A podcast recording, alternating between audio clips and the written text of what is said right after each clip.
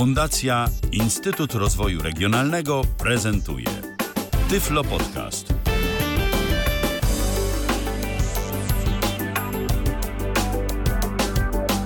W kalendarzu środa, 17 dzień stycznia 2024 roku. Jak tam wyspani? Jakoś. Mniej więcej. Prawie, pra, prawie przespałem dostawę zakupów dzisiaj rano, tak wyobraźcie sobie, no, że... No, ale do pracy zdążyłem, więc to się liczy. No właśnie, to najważniejsze, bo ja tak samo. To jest rzeczywiście najważniejsze, bo dla tych, którzy e, przespali ten fakt, to my Tyflo Przegląd tak w sumie to skończyliśmy kilkanaście minut po godzinie drugiej. To było już dziś, e, już 17 tak, tak. stycznia. Powiedziałem Tyflo Przegląd, a tak naprawdę to skończyliśmy w takim e, Tyflo Przeglądowym składzie, ale to było podsumowanie roku 2023, jeżeli chodzi o Tyflo Informatykę i pochodne, bo nie nie tylko o rozwiązaniach dla niewidomych mówiliśmy, ale z perspektywy użytkowników niewidomych. Dziś też będziemy mówić z perspektywy niewidomych, ale o tym, co nowego w nowoczesnych technologiach, e, czyli rozpoczynamy 216 wydanie Tyflo Przeglądu. Witamy bardzo serdecznie przy mikrofonie Michał Dziwisz, przy pozostałych mikrofonach e, Paweł Masarczyk i Piotr Machacz. Witajcie. E, no i cóż, zanim przejdziemy do konkretnych tematów, to najpierw w telegraficznym skrócie e, słów kilka na ten temat, o czym dziś właściwie będziemy Wam opowiadać. W tym tygodniu w Tyflo Przeglądzie. Co użytkownicy systemów Apple myślą o zmianach dostępnościowych z 2023 roku? Targi CES z perspektywy niepełnosprawności. Cooked Wiki. Zbieraj swoje ulubione przepisy w jednym miejscu. Level Access przejmuje Userway. AudioEye wycofuje pozew przeciwko Adrianowi Rosselli. Stanowisko Komisji Europejskiej odnośnie nakładek dostępności. Rozszerzenie dodające dźwięki do przeglądarek internetowych.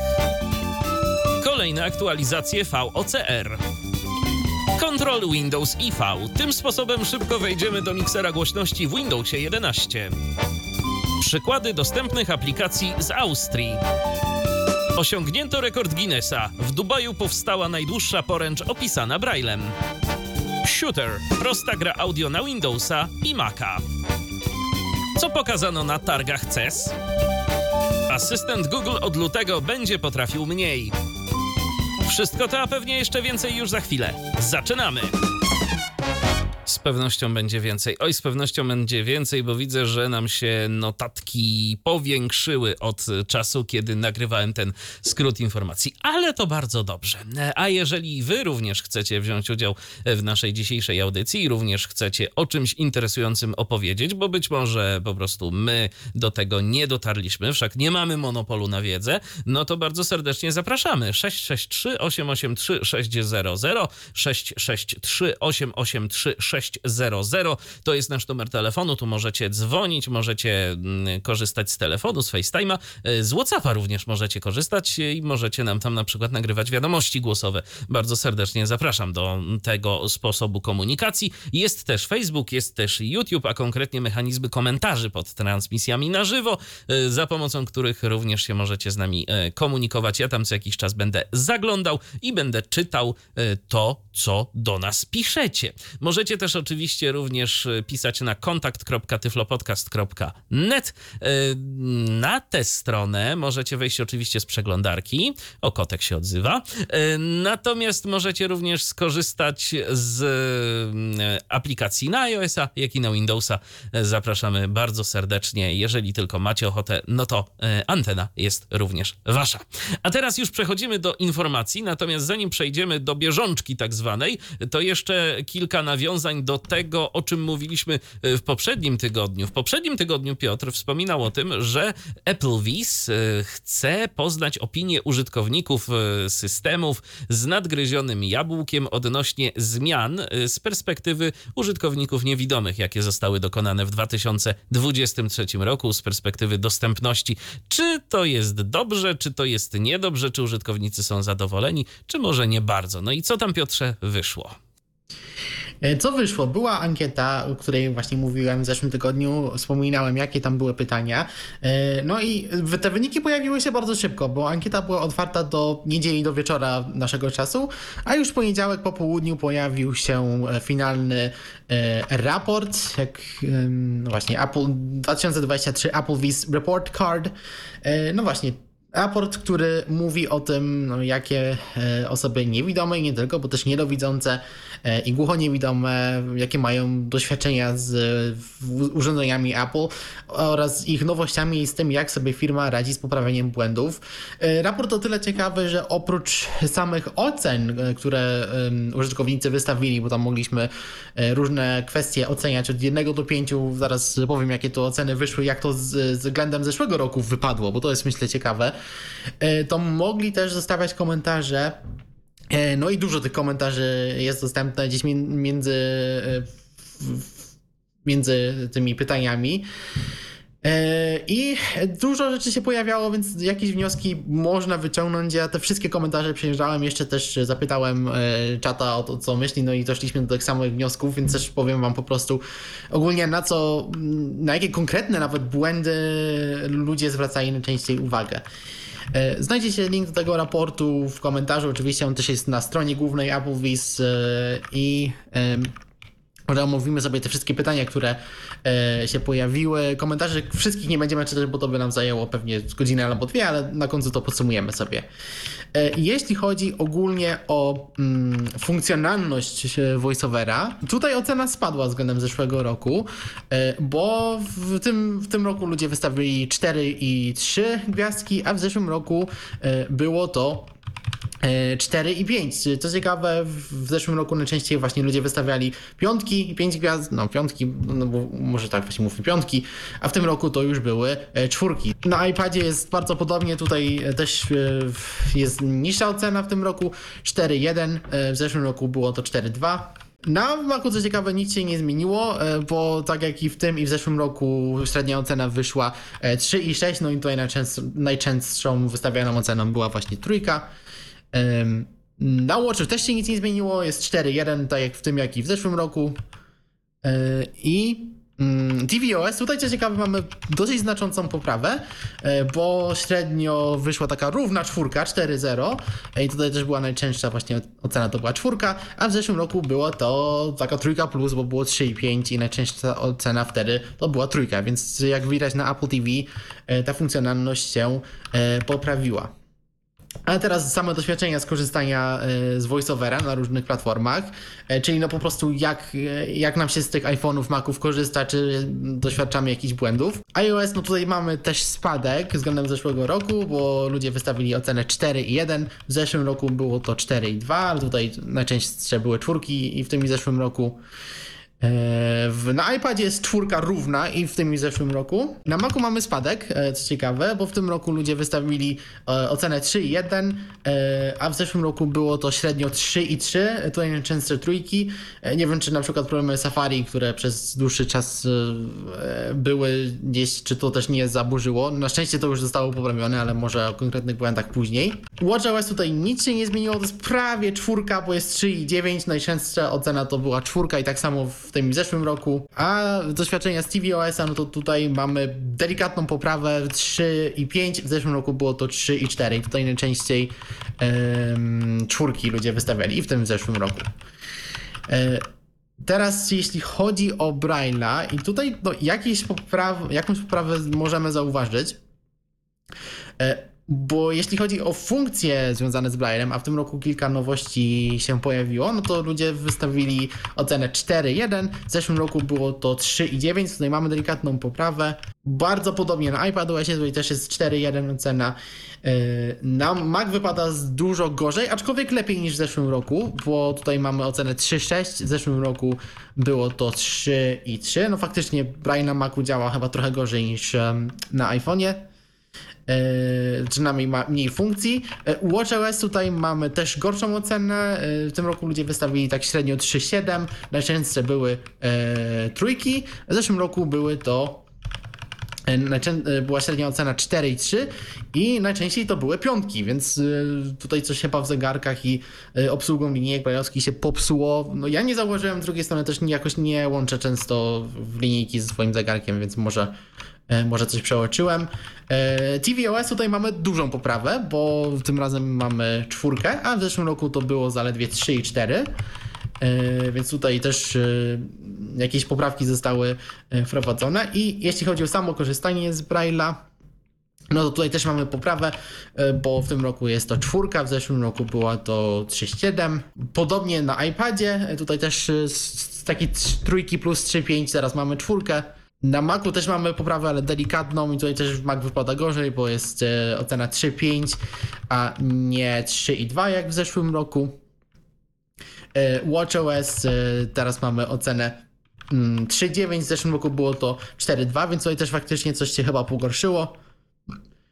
I tvOS, no to tutaj wypada też gorzej, bo jest e, 3,4, w zeszłym roku to było e, 3,6. E, Później mamy e, funkcje dla osób słabo widzących i tutaj mamy, no to oceny są chyba wyższe niż e, użytkowników VoiceOvera, e, bo E, iOS dostał tutaj ocenę 4 i 4, więc taka nawet już czwórka plus można powiedzieć. Najczęstsza ocena tutaj były piątki. E, W zeszłym roku no to było dużo gorzej, bo było to 3 i 9 i tutaj były czwórki.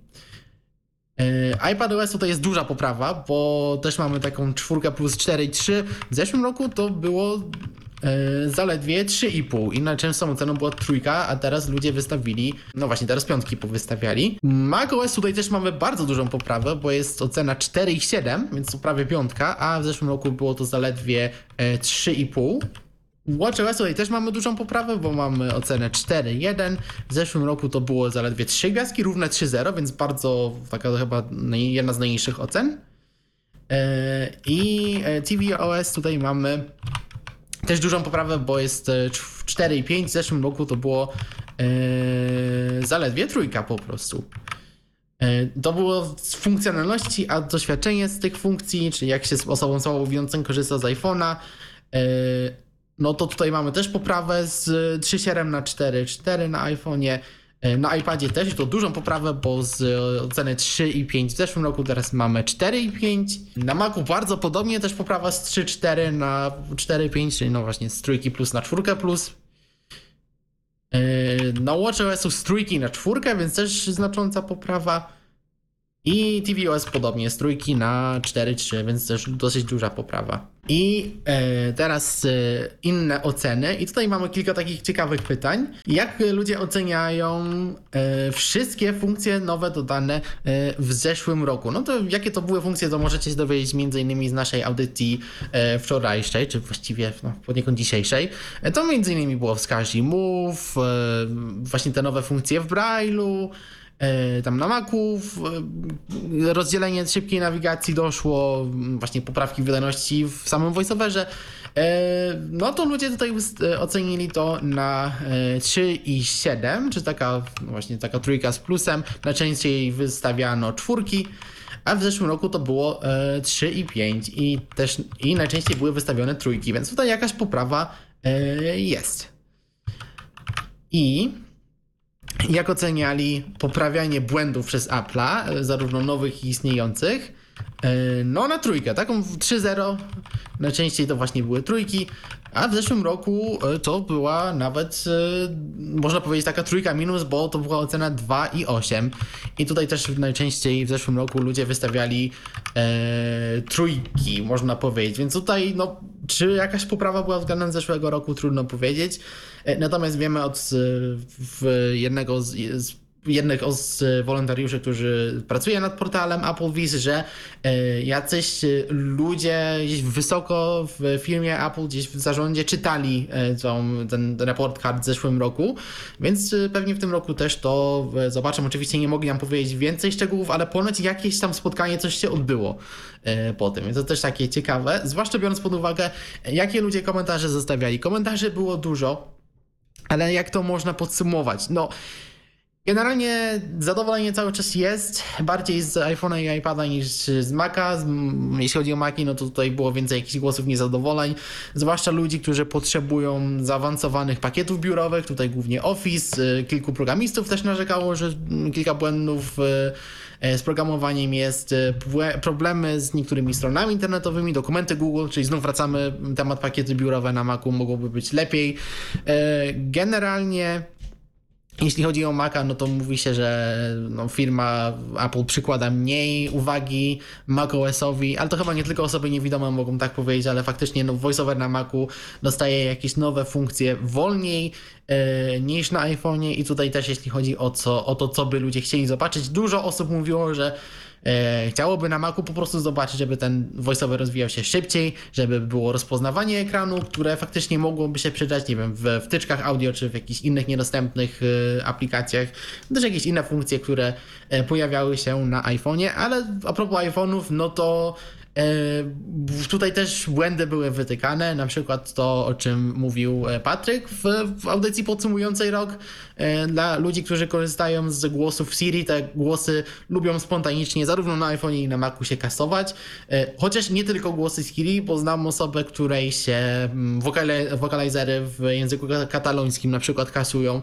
Na szczęście mi się to nie zdarzyło, ale no, jest możliwe, że gdzieś polskie głosy też by się mogły e, usuwać i to też jest problem, który jest od miesięcy zgłaszany, chyba nawet nie wiem, czy on w tym roku, czy już w zeszłym nawet zaczął występować, w, czy właściwie w 2022, no ale to jest coś, co na pewno firma powinna naprawić. No generalnie czasami ta mowa lubi się gdzieś zaciąć, były problemy z niektórymi monitorami brailleowskimi, też ludzie zwracają uwagę, zwłaszcza jeśli chodzi o Braille'a, no bo mogą z niego korzystać osoby głuchoniewidome, że to powinno być lepiej testowane, jeśli są jakieś nowe funkcje dodawane do systemów, no to no, błędy powinny być wyłapywane lepiej. E, Ludzie mają dosyć poniekąd bycia darmowymi testerami dla firmy, tutaj takie rzeczy były wytykane. No i jeszcze jedna prośba, e, która pojawiała się wiele razy, e, gdyby tylko Apple było bardziej transparentne. Jakiś publiczny bug tracker tak zwany, gdzie moglibyśmy zobaczyć e, wszystkie błędy, jakie osoby zgłosiły, i jakie mają oceny. Jeśli by firma mogła nam odpowiadać, jakoś ustosunkowywać się szybciej do błędów związanych z wersjami beta. Bo ponoć na, e, gdzieś inżynierowie pracujący nad dostępnością nie mają zawsze takiego dostępu, jakby chcieli, tak przynajmniej e, ktoś powiedział. E, kto też gdzieś z Applevisem ma związek, nie mają takiego dostępu, jakby chcieli do tej aplikacji feedback, a to nie jest dobre, no bo właśnie tam e, podczas cyklu beta e, różne problemy są zgłaszane, no więc tutaj też e, jakieś kwestie organizacyjne, które e, mogłyby być poprawione. No, miejmy nadzieję, że rok 2024 e, faktycznie będzie bardziej owocny w nowe funkcje, a może właśnie mniej nowych funkcji, a więcej poprawek błędów, jak to niektóre, niektóre osoby sobie e, życzyły. A jak będzie, no to będziemy po prostu musieli się przekonać, jak ten rok będzie postępował. Ciekawe swoją drogą, y, czy je, i w ogóle jakie byłyby oceny użytkowników konkurencyjnego systemu, czyli Androida, gdyby e, stworzyć taką ankietę, jakie byłoby zadowolenie e, użytkowników e, z systemu, ze zmian, które Google wprowadza, no bo coś tam jednak robią, jeżeli chodzi o dostępność również, więc no, to jest rzecz ciekawa. Mogłoby tu być różnie, bo z jednej strony no tak część użytkowników gdzieś tam powiedzmy jak już tego iOS-a zazna, to y, a kiedyś korzystała z Androida, to z reguły y, no jednak y, jest bardziej zadowolona z iOS-a. Y, Natomiast no mam jednak wrażenie, że jak już ktoś jest rzeczywiście takim y, wiernym użytkownikiem Androida, to jest użytkownikiem zaawansowanym i też mało rzeczy mu może przeszkadzać. Więc y, też y, może być, mogłaby być to naprawdę bardzo różna, y, bardzo różne wyniki tego typu ankiety, bo jak rozumiem, czegoś takiego dla Androida nie ma. Nie spotkaliście się z niczym tego typu. Ja nie słyszałem. Nie, nie, nie bardzo. Wiem tylko, że były naciski dawno temu jeszcze, jak Android był dużo mniej zaawansowany niż jest teraz. E, z uwagi na to, że NFB było sponsorowane przez Google i NFB bardzo krytycznie wypowiadało się o Apple, a niedociągnięcia Google jakoś były przemilczane. Prawda jest też taka, że mm, osoby, które. Google miał szczęście w dobieraniu sobie osób odpowiedzialnych za dostępność i osób odpowiedzialnych za talkbacka. I to były często osoby, które gdzieś były znane w społeczności i które się udzielały na listach. I tak za czasów Wiktora Carana, jak jeszcze istniała lista Ice Free i były tam prowadzone żywo dyskusje, i to było jakoś moderowane przez pracowników Google no to Wiktor był tam i nawet zdarzyło mu się zapytać o jakąś taką typowo użytkową rzecz, typu jakie klawiatury polecacie do smartfona i tak dalej. E, wrzucał też jakieś informacje o nowościach w talkbacku, więc jakby jemu te rzeczy nie umykały. On jakby wiedział o co, czego chce społeczność. No teraz jest tam Nimer Jabber. Nie wiem, czy on e, jest na Blind Android Users, jakoś chyba nie objawia się za często, ale domyślam się, że on może mieć e, świadomość tego, gdzie szukać takich e, informacji, że jest podcast Blind Android Users Podcast, że jest portal Accessible Android, że jest lista dyskusyjna, więc prawdopodobnie jest jakoś tak podpięty, że do niego docierają te różne, te różne uwagi użytkowników. Pozostaje mieć nadzieję, że tak jest istotnie, a tymczasem odbieramy telefon od naszego słuchacza. Witaj Patryku. O, teraz jesteś, być. Jesteś. Jestem. No nie odciszyłeś mnie przedtem. Chyba właśnie, ja wiesz, chyba właśnie mam wrażenie, że ja cię próbowałem odciszyć, ale z jakiegoś powodu to nie zadziałało. Ale już jest. No to ważne. ważne, że działa. Y, to ja z kilkoma rzeczami do was dzwonię. Y, pierwsze się chciałem odnieść do poprzedniej audycji, jak mówiliście o Whisperze X, y, bo mówiłeś, mówiliście, że Whisper X ma aplikację mm, i po pierwsze mam dwie rzeczy. Po pierwsze tak, szukałem tej aplikacji, ale tam na y, GitHubie tego projektu chciałem wejść sobie w releases i tam widziałem tylko dwie rzeczy: source code zip i source code, y, source code tar. Czy ja wiem. Patryku, czy my mówiliśmy konkretnie, że Whisper X ma aplikację? Tak, tak e, Tomek Bilecki No mówił, to wiesz tam... co, to no właśnie Tomka dziś nie ma, yy, niestety. Ale on chyba sobie jakiś skrypt napisał tak, prywatnie, on napisał, ja to tak zrozumiałem. Ja wam powiem, ja wam powiem jak, to, jak to było. To jest, te, y, on mówił tak, że właśnie jest aplikacja Whisper X, yy, exec i on mówił, że exec ma problem z transkrybowaniem, yy, zrobieniem kilku plików naraz. Naraz, tak, i że musiał napisać skrypt. Tomek, Tomek sobie napisał skrypt, który po prostu mu to ułatwia, natomiast ja nie potrafię nigdzie znaleźć, gdzie ta aplikacja jest, bo chciałem właśnie zobaczyć yy, tą aplikację na GitHubie. No nie wiem, gdzie ona jest, bo w releases jej nie widzę. Chyba, że muszę sobie ją skompilować. E, no to w tym momencie szkoda, że Tomka nie ma z nami. Może dziś się jeszcze pojawi, a jeżeli nas słucha, e, no to fajnie jakby dał jakoś znać i spróbował o, odpowiedzieć okay. na twoje pytanie.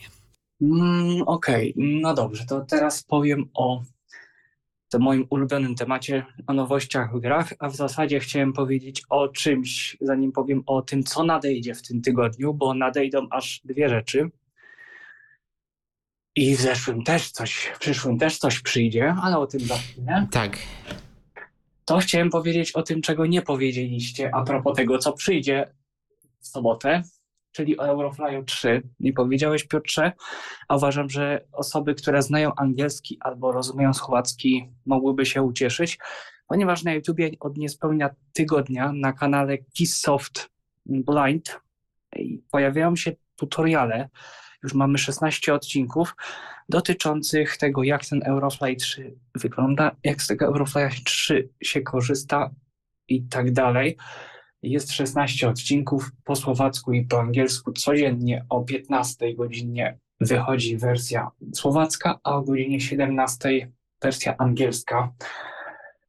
Y, przez Czecha nagrywana jest wersja angielska, przez Stefana Kisa we własnej osobie wersja słowacka, i ma, możemy się stamtąd dowiedzieć na przykład, jak się nawiguje po lotniskach, w jaki sposób y, oglądać właściwości samolotów, jak grać w to za pomocą joysticka.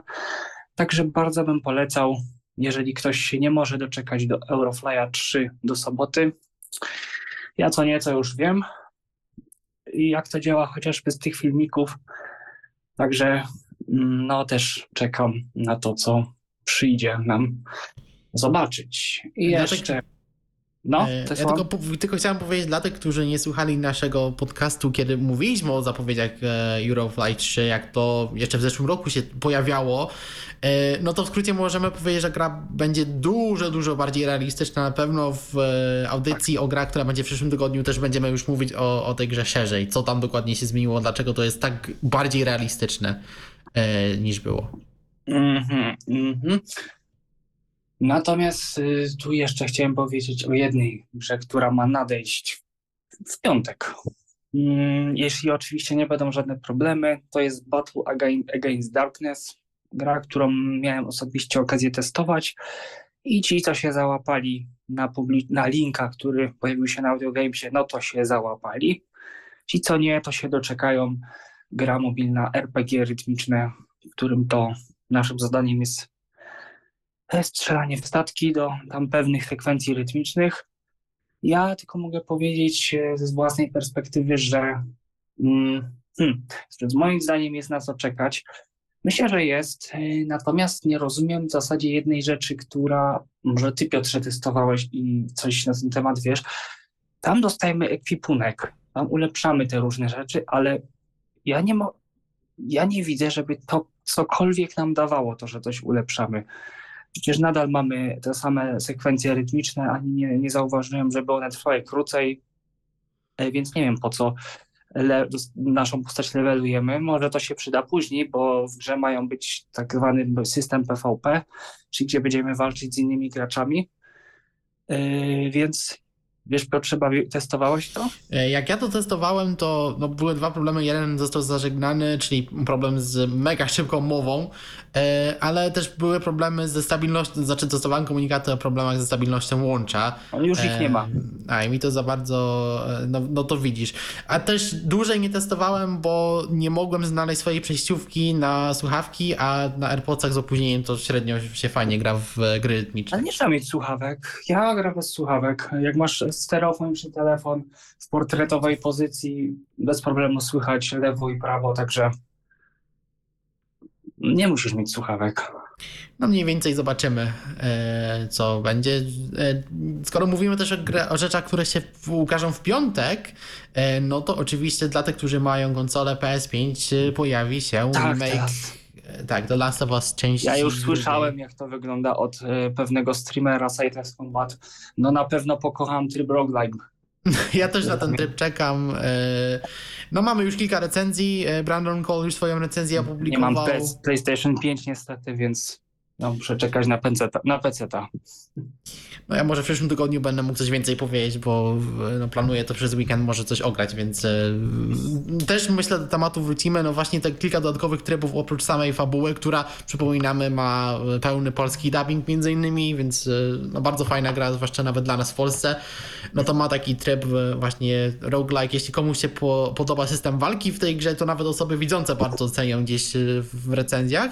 E, I tam jeszcze jest też taka me mechanika, gdzie w niektórych sytuacjach uczymy się grać na gitarze. Joel uczy Eli grać na Ale gitarze. to już było. e, To już było E, tak, wcześniej. ale to się ludziom tak spodobało, że teraz do tego też powstał dedykowany tryb i tam można różne instrumenty, jakieś efekty e, odblokowywać, więc no, O też będzie, system. No, więc będzie coś też fajnego dla nas e, związanego z dźwiękiem poniekąd, e, oprócz samych skórek, e, które też tam można sobie odblokowywać. Więc no myślę, że jak ktoś ma tą konsolę, jest na, co- na co czekać, a jeśli nie macie, no to może, kto wie, czy w tym roku, jak nie na początku przyszłego, może na PC też to trafi.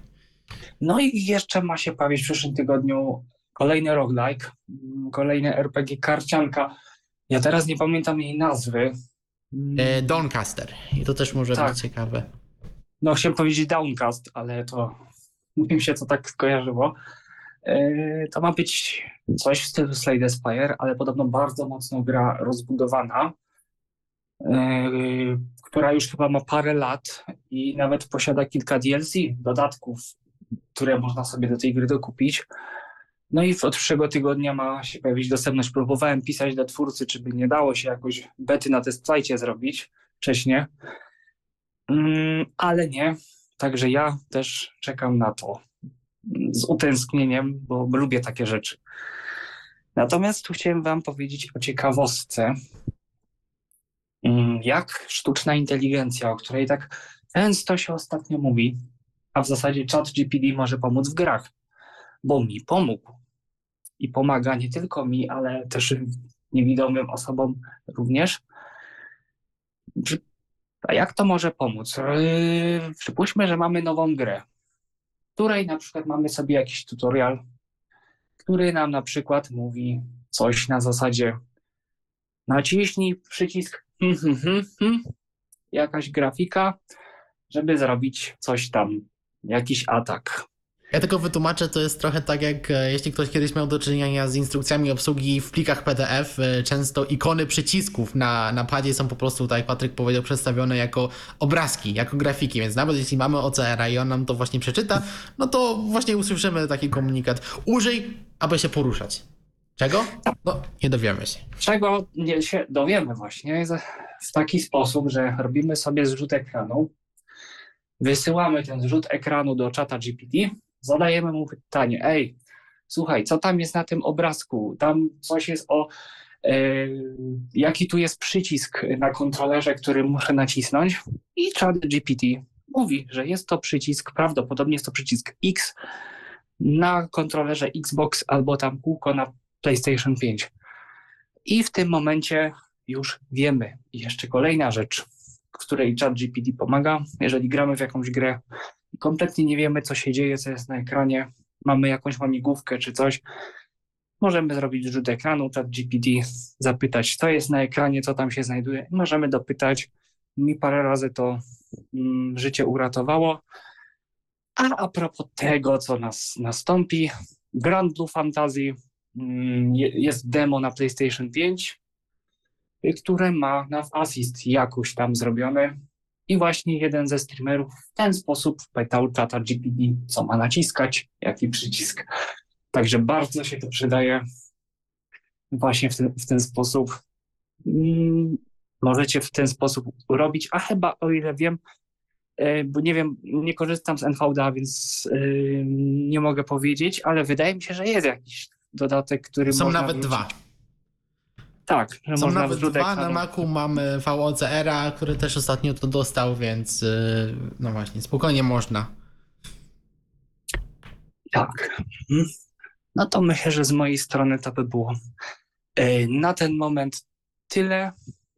Zamierzam się jeszcze, tak powiem, Wam na koniec pobawić programem All Player z perspektywy użytkownika ekranu, czy faktycznie ten all player jest niedostępny, bo ja pamiętam, że coś e, dało się zrobić myszką, jeżeli chodzi o ustawienia kiedyś. No i też będę się starał pisać do twórców tego programu, bo ten program już ma swoje lata. Do pana Marka Marbita, który jest tam twórcą tego programu. Czy nie dałoby się, czy nie byłaby możliwość jakichś wprowadzenia jakichś poprawek dostępności, bo skoro ten program z Iwoną współpracował, a myślę, że ten pan doskonale wiedział, po co jest, był program Iwona robiony, więc może, może coś, coś się poprawi w tym programie. Może po prostu ten pan nie jest świadomy, że ten program nie jest dla czytników ekranu dostępny, więc całkiem być może. Go uświadomić. No to powodzenia, Patryku, i daj znać, jak poszło. Okej. Okay. Dzięki za telefon e, tymczasem i do usłyszenia. Do usłyszenia. E, natomiast e, jeżeli chodzi o telefony, to nie jest koniec, bo na drugiej linii też kogoś mamy. A kogo? Kto jest z nami? Sylwester. Witamy cię i słuchamy. Mam taki problem. Ja z tym WhatsAppa zainstalowałem i coś nie umiem go obsługiwać i nie, nie mogłem tego funkcji nagrywania tam dojść i, i odrzuciłem go, bo nie wiem, dla mnie jest niejasny. Mm, jak rozumiem, to jest WhatsApp na Androidzie. Tak. Natomiast jest... tam powinien być taki, tam powinien być tak czy inaczej, czy to jest iOS, czy to jest Android, to nie ma większego znaczenia. Tam powinien być taki przycisk, y, po przytrzymaniu którego możesz nagrywać wiadomość głosową. Tak, tylko ja nie wiem, gdzie ten przycisk jest, który to e, przycisk. Ten I przycisk. Okazało się, że nie jest. E, ten przycisk na iPhone'ie, więc przypuszczam, że na Androidzie będzie podobnie. E, jak masz pole edycji do wpisywania wiadomości, to pole jest bardzo duże. Myślę, że znajdziesz je bez problemu, bo one zawsze na dole ekranu całą, całą długość ekranu, e, całą szerokość, przepraszam, zajmuje. E, no i na prawo od niego gdzieś ten przycisk powinien być. E, no i właśnie tutaj, tak jak Michał mówił, wystarczy go wtedy przytrzymać i e, można wiadomość nagrać. Tak, tylko że ja próbowałem kilka razy chciałem wysłać i nie, nie udało mi się. A czy ja dobrze zrozumiałem coś na początku mówiłeś chyba, że wyskoczyła ci prośba o uprawienie do mikrofonu i tam odrzuciłeś tą prośbę? Znaczy, nie, nie odrzuciłem. Okej, no to no to nie wiem, po prostu no ten przycisk wystarczy przytrzymać. Można go wtedy przeciągnąć lekko palcem w górę, żeby to nagrywanie zablokować, że już nie trzeba palca trzymać. Yy, ale to generalnie tak powinno wyglądać. Nie wiem, ten przycisk, ktoś z was wie, czy on jest na Androidzie zaetykietowany? Pawle, ty Właśnie nie może. Wydaje mi, się, pamiętasz. wydaje mi się, że tak. To ja znaczy, tego nie pytanie- używałem, po prostu. Ja pytanie, tego po prostu nie się używałem. Pierwszy raz. W sensie, czy ty doszedłeś już do tego, że miałeś tam konto i widziałeś kontakty? W sensie jakieś czaty i tak dalej. Nie wiem, bo ja coś kontaktów No, nie mogłem dojść. Okej, no bo nie wiemy, tak teraz też możemy wróżyć z fusów, nie wiemy na jakim etapie się zaciąłeś i... Bo ja znalazłem- ci- Jakieś tam Mhm. kontakty były, ale ja pisnąłem na Tyflo Radio. No tak, i ja widziałem, y, że wysyłałeś y, jakieś y, pytania odnośnie tej linijki brajlowskiej. Ja nawet postarałem ci się na tę wiadomość odpisać. Dobrze. No.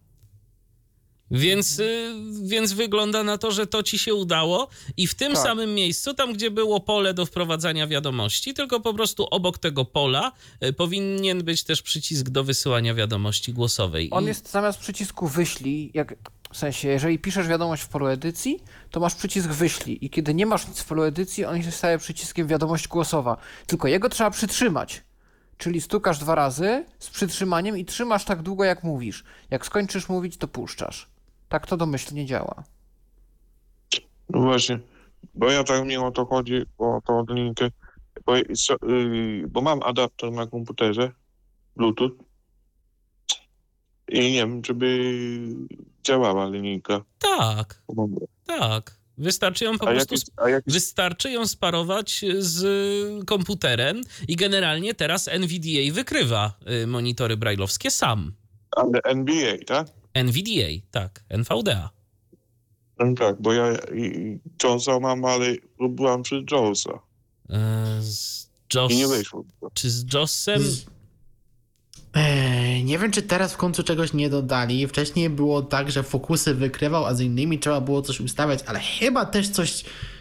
Mogę się mylić. Może Tam jest ktoś ten tak nas... zwany menedżer syntezatorów i Braille'a i trzeba y, tę linijkę I ja tak właśnie próbowałem, bo dodać. na, NPD, na NVDA to będę może próbował jeszcze któregoś dnia. Wiesz co, to spróbuj na NVDA, bo to, y, bo, bo linijka, jak rozumiem, z komputerem się połączyła, tak? Sparowałeś ją.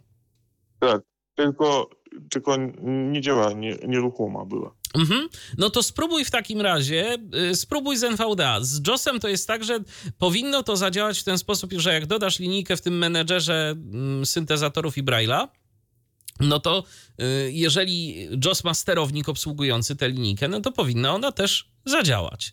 Y, Natomiast, no powiem szczerze, y, ja częściej testowałem to przynajmniej ostatnio z NVDA i mm, ostatnio nawet dodawałem sobie linijkę, tak bezprzewodowo, to zadziałało po prostu od razu. Mm, Tylko trzeba ustawić w. Yy, jeszcze tylko to sprawdzę. Ustawienia. To jest Braille. I trzeba monitor brailleowski ustawić na automatyczne. Aha, na automatyczne. Tak, na automatyczne. Nie wiem, czy to tak domyślnie też nie będzie ustawione. Czy jest domyślnie bez Braille'a ustawione? To jest pytanie. Bo ja mam, bo ja mam trójkę. Linijkę, trójkę, nie mam tej czwórki ani piątki. Ale jaką trójkę? Bo mam trójkę, wersję trójkę. Ale jaką linijkę? Starą mam. Yy, No dobrze, tylko Bo- jaką? bo- To jest mówisz o fokusie? Tak, No, Focus 14. Focus 14, trójka, okej. Y, Ale powinno, powi- powinno być wykryte, natomiast być, mo- być może... Trójka to, mo- to jest, tylko nie, nie, nie działa tak jak Mhm. E, To tak jak mówię, Sylwestrze, spróbuj, spróbuj NVDA jeszcze. Może tam będziesz miał więcej szczęścia. A jak to nie pójdzie, to już, to już nie pójdzie, bo może być i za stara. Nie sądzę, żeby to była kwestia yy, wieku. W JOSie tego pewnie też to może być gdzieś kwestia konfiguracji, e, bo tam też się gdzieś da porty wybrać właśnie w tym menadżerze Braille'a, no a Focusy, no to jest jedna firma, tak, więc e, Więc powinno to działać najprościej. tak. Tam było, powinno być prościej, bo tam przyłączasz na Bluetootha i albo USB, albo Bluetooth wybieram i no niestety to nie, nie zadziałało. Rozumiem. No nic, no to tak jak mówię, proponuję jeszcze właśnie ten eksperyment z NVDA. Yy, Czy jeszcze w czymś możemy ci pomóc? I na razie nie, ja dziękuję, dobranoc. Dobrej nocy. Do usłyszenia, pozdrawiamy Do cię serdecznie. Ej, Teraz jeszcze taka ciekawostka, skoro jesteśmy jeszcze w tematach z poprzedniej audycji, to ja dodam coś od siebie i to mm, w kontekście tego serwisu, o którym mówiłem w zeszłym tygodniu, czyli RSS Parrot, y, który to potrafi mm, z RS, RSS-y różnego rodzaju zawartości kanału RSS wyrzucać na oś czasu naszego Mastodona, naszego konta na Mastodonie, jeżeli sobie zaśledzimy te odpowiednie konta. E, Dziś spotkała mnie taka sytuacja, e, w której e, no Papuga się nie sprawdziła na jakimś jednym kanale RSS. Y, Akurat z takiego serwisu portalmedialny.pl konkretnie y, chciałem sobie dodać ten kanał RSS, na przykład Feedburner go obsługuje bez problemu, y, a z Papugą no jednak problem jakiś się okazał być. Dostawałem ciągle komunikat, że no nie mogę znaleźć kanału RSS, a podawałem adres bezpośrednio do RSS-a, że albo kanału nie mogę znaleźć, albo strona nie działa, no z jakiegoś powodu nie chciało to działać. Natomiast e, wziąłem się na sposób i skorzystałem z takiej usługi jak Feedburner, Feedburner. I tam po prostu ten Feedburner to jest taka bramka do kanałów RSS, że podajemy e, adres e, kanału, i w zamian otrzymujemy inny adres w domenie Feedburner. Możemy sobie ten e, feedburnerowy adres zasubskrybować e, w naszym e, czytniku RSS. Taki kanał podrzuciłem Parrotowi i on już z nim nie miał większych problemów. Zasubskrybował go, stworzył e, odpowiednie konto, więc to taka podpowiedź dla Was, jeżeli mielibyście problem, że coś Wam nie chce bezpośrednio z Parrotem działać. Inna sprawa, że ja postaram się zgłosić e, ten fakt e, autorowi przez jakieś issue na GitHubie, bo chyba on tam właśnie cały silnik tego narzędzia trzyma, więc może to się mu do czegoś przyda. Ale gdybyście mieli taki problem, to pamiętajcie, że jest jeszcze to narzędzie takie jak Feedburner i można spróbować z niego skorzystać. E, To jest e, kolejny temat. Natomiast e, jeszcze jedna wzmianka do rzeczy z poprzedniego Tyflo Przeglądu. E, I tu znowu temat Piotra. E, Copilot. Copilot, klawisz Copilot. E, Mówiliśmy w zeszłym tygodniu o tym, że Microsoft będzie chciał dodawać go na klawiaturze w zamian za klawisz menu kontekstowego, zdaje się, tak? To, to No tak się być. najczęściej mówiło, Mhm. dokładnie. No i co z E, tym no- klawiszem? Jaka decyzja Co- Microsoftu? Co z tym klawiszem? No bo wtedy sytuacja generalnie wyglądała tak, że jeśli ktoś chciał e, sprzedawać komputer z Windowsem, czyli dostać na to certyfikację, e, no i odpowiednie licencje, e, no to wcześniej myśleliśmy, że ten klawisz po prostu do tej certyfikacji będzie, a może faktycznie tak było, miał być wymagany, no i gdzieś w tym miejscu. No natomiast na tyle ludzi chyba gdzieś zaczęło zwracać na to uwagę, że firma Microsoft ustosunkowała się do tej całej sytuacji i powiedziała kilka takich, wydaje mi się, ciekawych rzeczy. Po pierwsze, to nie będzie wymagane do certyfikacji, więc jeśli ktoś będzie chciał, e, więc mogą pojawić się też na rynku e, laptopy, które tego klawisza mieć nie muszą. To jest jedna rzecz. Więc jak ktoś bardzo będzie chciał znaleźć taki komputer, który go nie będzie miał, to pewnie będzie się dało to zrobić. Yy, Ale druga rzecz to. Bardzo was przepraszam. Yy, Miejsce tego klawisza, no to jak mówiliśmy wtedy, to będzie coś, yy, co będzie, co będzie mógł zdecydować producent. Najczęściej on będzie znajdował się po prawej stronie, właśnie tam, gdzie jest klawisz menu kontekstowego, względnie jeśli to jest jakiś laptop, który który nie miał e, klawisza e, menu kontekstowego, e, to zamiast klawisza prawego kontrolu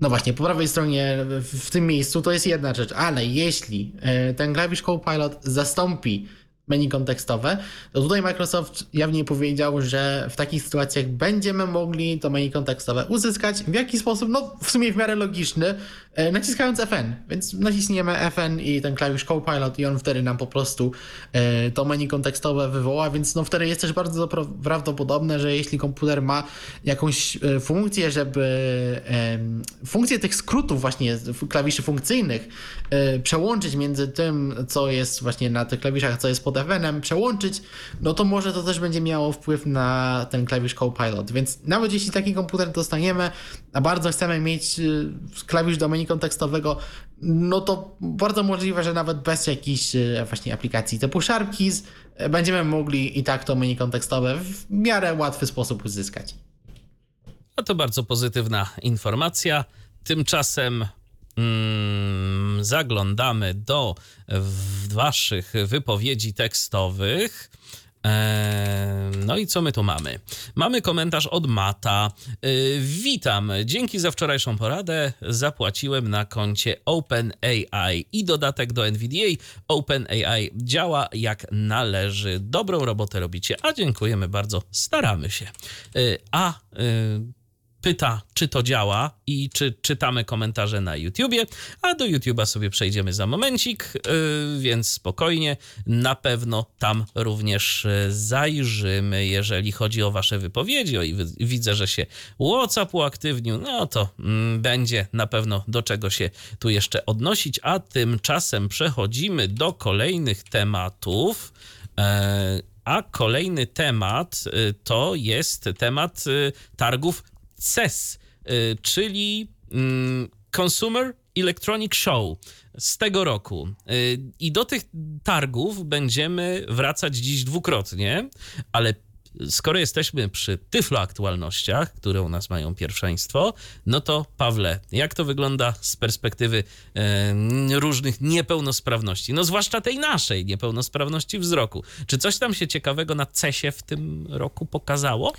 Ja myślę, że w ogóle warto zacząć od tego, że już przed rozpoczęciem targów e, człowiek, który za nie odpowiada, ich e, rzecznik prasowy zdaje się, czy nawet e, chyba szef całego wydarzenia, wypowiedział się w którymś z mediów, już teraz naprawdę nie pamiętam, przepraszam za bardzo takie ogólnikowe wiadomości, ale to mi gdzieś mignęło, nie zapisałem sobie wtedy wiadomości, że właśnie dostępność jest bardzo ważną częścią tych targów, zwłaszcza w tym roku. I no widać to gdzieś, bo troszeczkę takich startupów, które e, gdzieś tam się zajmują tymi naszymi sprawami, się pojawiło. No już tydzień temu mówiliśmy o klawiaturze, która gdzieś tam, śmialiśmy się, że imituje Braille'a, rozwiązanie zdaje się koreańskie, które gdzieś tam mm, pozwala nam szybciej wpisywać tekst i to na jakichś powierzchniach chyba nawet płaskich, to ty Piotrze opowiadałeś o tym. E, natomiast to nie wszystko, bo się okazuje, że tego jest więcej i to dużo więcej, bo chyba ze trzy pojawiły się startupy, nie, nawet cztery, e, które mają zapewnić nam lepsze przemieszczanie się, czy ułatwione powiedzmy. Jeden to jest, w sumie nawet się spodziewałem, że się tam pojawią, Glidance, czyli ta laska, która nadaje nam kierunek y, na bazie jakichś tam danych z GPS-u, sztuczna inteligencja i tak dalej, nadaje nam kierunek, w którym mamy iść, a my sobie tą laską po prostu wodzimy. Nawet chyba y, zdaje się, że CEO całego przedsięwzięcia jest sam osobą, która straciła wzrok i dlatego w temat poszedł. Y, później pojawiły się dwa rozwiązania, które są jakby opaską czy też okularami zakładanymi na głowę, które wykrywają przeszkody przed nami i za pomocą wibracji informują nas e, o tym, co nas gdzieś tam otacza, czy jakaś przeszkoda jest, że trzeba ją wyminąć. Pierwsze to jest rumuński startup. Startup nazywa się Lumen. Notabene ja jestem ciekaw, kiedy mm, skończą się nam pomysły już na nazwy różnych przedsięwzięć dla niewidomych, e, które będą krążyć wokół tematu właśnie światło, światłość, niewidzenie, i w końcu dojdziemy do takiej puszki, w której się zaczniemy rozbijać już o powtarzanie tych nazw i będziemy się nawzajem pozywać o naruszanie praw autorskich i podkradanie nazw. No, taki trochę żarcik ode prowadząc, współprowadzącego, ale mm, tam właśnie wykorzystywany jest silnik wibracyjny, natomiast y, Lighthouse Tech E, to tutaj już e, kolejny e, startup i tam oni stwierdzili, że testowali wibracje ze swoimi testerami z dysfunkcją wzroku, no i nie byli ci testerzy zbytnio zadowoleni z takich klasycznych wibracji, zwłaszcza, że to gdzieś tam z tyłu głowy. Lepsze będzie takie taka haptyka na wzór iPhone'owy, takie delikatne stuknięcie, coś tam, taki efekt dotykowy bardziej niż wibracja. No więc tam e, coś takiego się będzie działo. E, jest też e, coś, co się nazywa Here See Mobility i tam też chodzi właśnie o jakiś system oparty o jakieś urządzenie laskopodobne, połączony z beaconami, klasycznie w galeriach handlowych, w różnych zamkniętych przestrzeniach i też informacja głosowa co do tego, mm, za ile powiedzmy tam metrów znowu do czegoś dotrzemy. O klawiaturach już wspominałem, ale Orcam ujawnił się nam z rozwiązaniem dla osób niedosłyszących. Przykładowo e, były rękawiczka dla osób z zespołem Parkinsona, gdzie e, mm, po prostu te, to, ten to, to niestabilne takie poruszanie, to trzęsienie się dłoni, te drgania, można jakoś ustabilizować. Znaczy same drgania nie ustaną, ale rękawiczka pozwala nam bardziej na bardziej stabilny chwyt. Mm, roboty przeróżne, e, w tym na przykład robot, który jest w stanie powitać naszych gości, przyjść sobie na, przed dom i czy otworzyć drzwi, przywitać, wprowadzić do środka. No, coś takiego e, może się przydać. Też e, w Holandii jakiś startup e, wypuścił rodzaj okularów, które zakładamy na siebie. No i mają one po cztery, zestaw czterech głośników na jedno ucho, więc ten dźwięk będzie rzeczywiście przestrzenny i tam już jest też asystentka głosowa, Luna i można z nią prowadzić interakcje no, głosowo, nie używając do tego żadnego interfejsu ani dotykowego, ani też innego. No tutaj może być pewnie troszeczkę zastosowań także i mm, także i dla nas. Mm, to wszystko, co mi gdzieś tak pod ręce, ach, no nie, no przecież jak mógłbym zapomnieć, jest jeszcze urządzenie firmy Minicord, yy, czy nie, OneCord, OneCord, yy, czyli kolejny amerykański startup, chyba tym razem zebrany wokół Uniwersytetu w Waszyngtonie, który, no, podobnie jak towarzysze z Australii, próbuje zdziałać coś takiego, że na powierzchni przypominającej rozmiarem laptopa za pomocą wibracji oddawany będzie przebieg gry, chyba domyślnie w futbol amerykański, ale e, tak naprawdę też w różne gry inne, które, w których piłka jest w grze, e, bo ponoć nie jest to trudno zaadaptować. E, no, na razie zbierają pieniądze od inwestorów. Gdzieś tam ma to być analizowany E, obraz wideo oraz informacje o aktualnym położeniu graczy i piłki w różnych sportach. No i dzięki temu urządzenie ma dawać nam odbiór sportu, który akurat oglądamy, jakieś rozgrywki w czasie rzeczywistym. Mm, taka jeszcze ciekawostka od Samsunga. Samsung wypuścił całą gamę nowych telewizorów i oczywiście, no jak to z Samsungiem bywa, wszędzie sztuczna inteligencja mm, króluje. Natomiast y, są też opcje dla osób z niepełnosprawnościami, no i w tym na przykład odczytywanie napisów, czyli będzie użyty OCR i synteza, żeby stworzyć nam ścieżkę audio dla list dialogowych. No rozumiem, że napisy po prostu, jeżeli się pojawią na ekranie, jeżeli film będzie na przykład z napisami, e, to będzie on odczytywany po prostu w czasie rzeczywistym syntezą. No ciekawe, na ile to będzie działać i na ile będzie to działać również w języku polskim. Również e, coś, co się nazywa Remote Barrier Free, zdaje się. E, również jakiś system taki za pomocą aplikacji, staje się SmartThings, rozszerzony, e, pozwalający na e, bardziej dostępne sterowanie telewizorami za pomocą smartfona z jakimiś poszerzonymi funkcjami dostępności, poszerzonymi komunikatami głosowymi. No, komunikat jest z iMagazine, więc ciężko też, żeby mm, mainstreamowe, mainstream, dziennikarze main, głównego nurtu wgryźli się jakoś bardzo w szczegóły techniczne tego typu rozwiązań. No, myślę, że trzeba będzie poczekać, aż ktoś E, z osób niewidomych zakupi taki telewizor, przetestuje mm, te nowości i opowie nam troszkę o tym, jak to wszystko będzie działać. Tak jak już Michale wspomniałeś, do konferencji czy do targów CES jeszcze wrócimy, ale już z takiej bardziej ogólnej perspektywy. Wspominałem, że odzywacie się do nas na przykład na WhatsAppie i właśnie z tej okazji skorzystał. Wojtek wysłał do nas dwie wiadomości. No to posłuchajmy. Cześć, pozdrawiam wszystkich prowadzących y, Tyflo Przegląd. Kilka takich spraw, które nasuwa mi się po tym, jak e, no, zacząłem teraz słuchać dzisiejszej audycji. Pierwsza kwestia dotycząca tej ankiety. E, bardzo fajna sprawa, ale czy rozumiem, że będzie jakiś link pewnie na dole, więc jeżeli on odpowiada na te pytania, to, y, to ja sobie to chętnie przejrzę w komentarzu. Natomiast czy my mamy wiedzę, kto tę ankietę wypełniał, bo też ten tryb mm, wzbudza pewien mój niepokój, że to jest tylko tam kilka dni czy tydzień, no i trochę może się okazać, że po prostu często to są no, osoby, które albo bardzo są zaangażowane, albo z przypadku po prostu trafiły na y, coś takiego jak y, ta ankieta. Pierwsza e, sprawa, czy wiemy coś o demografii w ogóle tych ludzi, czy to są zaawansowani użytkownicy, bardziej niezaawansowani. No, no tak, wydaje mi się, że to jakoś by więcej światła nam rzuciło na wyniki tej ankiety.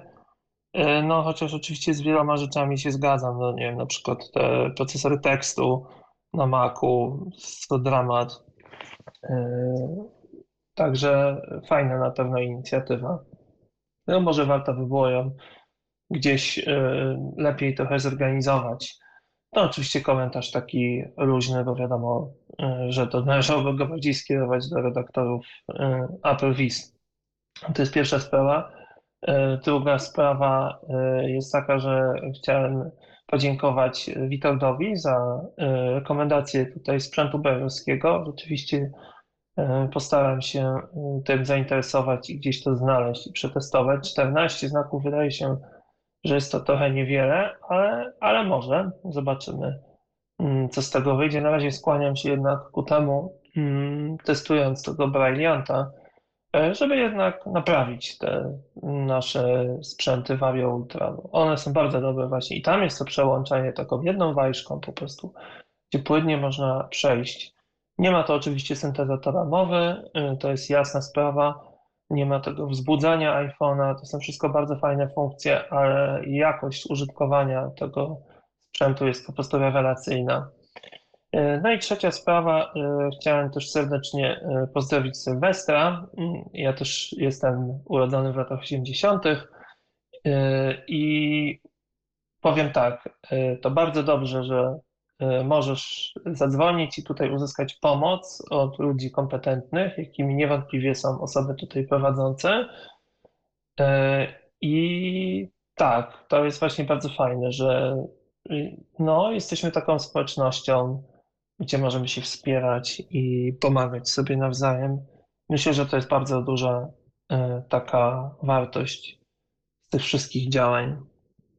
I to tyle chyba ode mnie na razie. Ach, nie, jeszcze jedna taka ciekawostka dostępnościowa. E, dzisiaj pobrałem z App Store'a nową wersję aplikacji TVP Info. I no, z radością stwierdzam, że aplikacja działa po prawie miesiącu przerwy. Nie wiem, jak jest z dostępem do materiałów archiwalnych, na czym by mi bardzo zależało, ale nie wiem, czy te materiały są. Natomiast pod kątem dostępności to niestety no, wcześniej nie było dobrze, ale teraz jest no, dramat. Teraz tam na dole te przyciski w ogóle nie są w jakikolwiek sposób opisane. E, no i trzeba tam ten dwu, dwutapnięcie z, z przytrzymaniem użyć tej kombinacji, żeby w ogóle przechodzić od jednego do drugiego. Także no nie wygląda to niestety dobrze. Zobaczymy, jak będzie się to dalej rozwijało. No ale nie pierwsza to i nie ostatnia aplikacja z tej stajni TVP, która jest słaba dla nas. No i w ogóle niestety te medialne aplikacje często są kiepskie. Pozdrawiam. Pozdrawiamy Cię Wojtku również. No cóż, y, czy coś Piotrze możesz dodać a propos tej ankiety i tych danych y, odnośnie użytkowników? Czy jest w ogóle coś wiadome na ten temat? Nie, niestety nie. Ja się tutaj generalnie zgadzam. Ja właśnie jeśli po pierwsze, jeśli chodzi o e, długość tego, to było bardzo mało czasu na to, na co ja też bardzo ubolowałem. Ja chciałem nawet wam tą informację przekazać, wiedząc ile gdzieś czasu zajmuje wrzucenie tych archiwów na stronę później. To jest bardzo mało czasu. E, a no po drugiej informacji nie mamy tak naprawdę żadnych. Ile osób tą ankietę w ogóle wypełniło, więc jak, jak się te oceny y, rozkładają. Y, nie było tam właśnie pytań o poziom zaawansowania y, czy tego typu informacje. No tutaj i nawet nie było pola w, w, tej ankiecie, żeby nawet jakieś własne uwagi zostawić, więc tam generalnie ktoś w komentarzu też zareagował, że no fajnie byłoby jakby w przyszłym roku to przynajmniej były dwa tygodnie. Ja się z tym zgadzam, nawet mogłoby być w sumie jeszcze dłużej, no bo przecież na przykład e, ta ankieta WebAimu, o której mówiliśmy chyba jeszcze w, na początku grudnia, albo nawet w listopadzie, no to ona sobie jest do końca stycznia, jak nie do końca lutego i tam już takie pytania e, o poziom zaawansowania i tak dalej.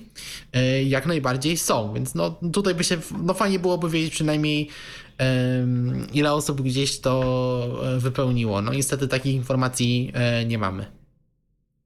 No cóż, y, natomiast co do TVP Info, y, Wojtku, to y, z tego co wiem, to generalnie większość materiałów wróciła, natomiast o ile wiem i o ile czytałem informacje na temat tego powrotu TVP Info w portalach medialnych różnego rodzaju, no to nie wszystkie, nie wszystkie materiały, część tych materiałów została usunięta z serwisu. No, pewnie gdzieś będziemy więcej o tym mówić jeszcze w RTV, więc e, zapraszam wtedy. Na pewno też co nieco mm, powiemy na ten i inne tematy, bo się dzieje. Czy w tym tygodniu RTV będzie, to tego nie wiem. Chyba nie, ale za tydzień no to mm, będzie, będzie, bo Wielka Orkiestra Świątecznej Pomocy to wydarzenie, o którym na pewno będziemy chcieli to i owo opowiedzieć w kontekście medialnym. A tymczasem w kontekście kulinarnym e, słów kilka, bo dosyć ciekawy przepis na przepis znalazłem w internecie. To zresztą nasz e, niegdysiejszy współprowadzący Mikołaj Hołysz podrzucił taki e, trik od kogoś to podrzucił też na Mastodonie, że kiedy wejdziemy sobie na stronę coket, czyli cooked, c o o k e d.wiki przez w. E, i za tym cooked.wiki damy slash i wstawimy jakikolwiek adres do strony z przepisem, to dostaniemy bardzo fajną stronę w bardzo przejrzysty sposób listującą składniki tego przepisu, sposób przygotowania, e, jeszcze jakieś tam dodatkowe informacje i nawet E, dostaniemy tam jakąś funkcję e, TTS, e, lektora, który będzie nam w stanie odczytywać te wszystkie składniki i sposób przygotowania tego naszego przepisu. Natomiast, no niestety, i to jest zła wiadomość, tylko angielski i hiszpański bodajże są obsługiwane, możemy sobie z listy wybrać, ale nie mam tylko złych wieści, mam też dobrą, mianowicie taką, że ten sposób działa też na polskie strony. Testowałem, po prostu wziąłem sobie byle jaki przepis z byle jakiej polskiej strony internetowej, pierwszej z brzegu, i zastosowałem ten trik, no i słuchajcie, działa. Więc jeżeli y, gotujecie, jeżeli y, byłoby wam coś takiego przydatne, to myślę, że warto się z tą stroną zapoznać, zapoznać się ze stroną CookedWiki, szczególnie, że możemy tam sobie założyć konto, no i gromadzić te wszystkie przepisy, e, mieć taką jedną centralną bazę. Tam potem można, mm, kiedy mamy to konto, to tworzyć sobie jeszcze jakieś listy zakupów, e, składników, e, co tam chcemy. Mm, to też może być w pewnych sytuacjach przydatne. Jest też skrót, który na iOSie pozwala taki przepis otwierany w przeglądarce wysłać do tej wiki. Więc y, też ten skrót y, podrzucę. Jeżeli ktoś będzie miał ochotę z tego korzystać, no to bardzo serdecznie zapraszam. Ja to testowałem i rzeczywiście działa. Z ciekawości, Michale, czy ta strona używa do tego, do tej ekstrakcji, jakby wy, wysupłania tych składników i kroków przygotowania czata GPT? Coś wiadomo o tym? Szczerze mówiąc, nie wiem, y, co tam jest pod spodem. Mam raczej wrażenie, że to jakieś parsowanie po prostu tu. Właśnie ja kiedyś taką stronę już podawałem, tylko że tam tylko jedna polska strona była wspierana, czyli to było definitywnie ustawione pod konkretne serwisy, które autorowi były znane i można było z nich tam jakieś dane Wiesz, być może, być może y, tu też działa to w podobny sposób. Y, natomiast no, nie testowałem tego aż tak bardzo. Sprawdziłem jakiś tam pierwszy z brzegu, więc to, Mhm. to też y, nie było tak, że były tam wylistowane jakieś konkretne serwisy. A tak sobie pomyślałem, dobra, sprawdzę y, jakąkolwiek, jakiś tam przepis, pierwszy z wyników Google'a. No i, i to mi zadziałało, więc oczywiście może być tak, że to nie zawsze zadziała, y, bo mogą być takie sytuacje. Natomiast y, no miejmy nadzieję, że będzie jednak więcej tych przypadków pozytywnych y, niż negatywnych. Tego myślę, żebyśmy sobie życzyli. A teraz kolejna informacja. Z kuchni przechodzimy jednak do tego salonu technologicznego, a tutaj na stole BT Speak, nowy notatnik. Nowy, ale taki trochę y, stary y, pomysł, przynajmniej jeżeli chodzi o y, człowieka, który jest odpowiedzialny za stworzenie tego notatnika, prawda Piotrze? Tak, bo to jest urządzenie od człowieka, który no renomę ma, można powiedzieć to spokojnie, bo do pan Dean Blazy, który założył sobie nową firmę Blazy Technologies. A jeśli ktoś nie wie, kto to jest, no to on kiedyś też miał inną firmę, która nazywała się Blazy Engineering i odpowie- która odpowiadała za e, serię notatników, która miała swoje początki w późnych latach 80., e, ale też przez całe lata 90. i kawałek 2000 była popularna i u nas. E, Mianowicie są to notatniki e, Braille and Speak, e, później jeszcze Braille Lite, które miały jeszcze monitory brailleowskie, bo Braille and Speaki no to miały tylko e, bardzo specyficzny syntezator. E, Natomiast co, co ludzie cenili w tych notatnikach w czasach, kiedy one były popularne, to to, że one włączały się bardzo szybko, zawsze dziś zapamiętywały naszą pracę, no i właśnie pozwalały na całkiem sporo, no bo mogliśmy właśnie e, robić sobie jakieś notatki, tam był kalkulator, nawet można było różne aplikacje pod, pod to pisać e, w Basicu i nie tylko. E, no ale po prostu no, miały też bardzo zaawansowane gdzieś funkcje zarz- zarządzania plików, e, więc no, one były w swoich czasach bardzo popularne. Firma później zresztą połączyła się w coś, co dzisiaj znamy jako Freedom Scientific, była jedną z części, która tą firmę utworzyła. E, no więc człowiek z renomą. No i po tych 20 latach e, postanowił e, wrócić do stworzenia takiego urządzenia, no tylko tym razem już skrojonego na wiek XXI. I urządzenie właśnie nazywa się BT Speak, więc tutaj ewidentnie jest nawiązanie do, no właśnie do Braille Speaka, bo to też jest urządzenie e, malutkie, e, w wielkości iPhone'a Pro, jak to powiedział sam, e, sam, sam pan Blazy. I nie ma monitora brailleowskiego, tutaj komunikuje się z nami wyłącznie przez mowę. I e, co możemy o nim powiedzieć? No to informacje głównie mamy e, dzięki Davidowi Goldfieldowi, który e, brał udział w spotkaniu, które firma Blazy Technologies zorganizowała wirtualnie w czasie, kiedy my nagrywaliśmy Cyflo Przegląd w zeszłym tygodniu, więc no nas na tym spotkaniu nie było, ale David Goldfield był i opisał wszystko, co było gdzieś tam pokazywane. I co możemy powiedzieć? No właśnie pan Dean ze swoim synem to stworzył. E, oczywiście na podstawie e, czegoś, co jest dzisiaj bardzo popularne, a mianowicie mini komputerka Raspberry Pi, który też często się u nas pojawia. To jest taki mały, jednopłytkowy e, mini komputerek, który zazwyczaj działa w, na podstawie systemu Linux, tutaj też jak najbardziej to jest wszystko działające w Linuxie. Konkretnie to jest e, Raspberry Pi Compute, czyli to jest taka jeszcze mniejsza wersja tego, e, a co za tym idzie tutaj jest wykorzystana wersja czwarta Raspberry Pi, a nie piąta, która niedawno się pojawiła. E, Producent mówi, że może kiedyś e, będzie aktualizacja do piątki, jeśli ta e, Pi piątka w tej wersji Compute się pojawi. Mm, Natomiast to jest po prostu e, Raspberry Pi zamknięty w obudowie z klawiaturą brailleowską, więc tutaj mamy e, no nie jest powiedziane, czy to jest 6-punkt, czy 6 czy 8-punktowa klawiatura brailleowska. Braille and Speaky miały 6-punktową, natomiast teraz e, linijki brailleowskie mają 8, więc bardzo możliwe, że tutaj też e, znajdziemy 8 punktów. E, No to mamy ten, ten, ten Pi 4 ma e, cztery rdzenie, e, w które gdzieś są porównywane z laptopem z niskiej lub e, średniej półki.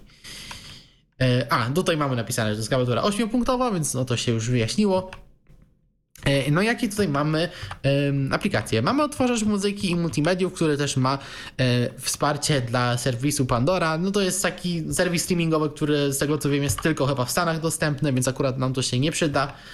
E, Mamy aplikację edukacyjną, o której strona bardzo się rozpisuje, że pozwala nam wielu rzeczy się uczyć. W praktyce okazuje się, że to jest po prostu aplikacja, która nas e, nauczy pisania w Braille'u, ale to w sumie może jak najbardziej być przydatne.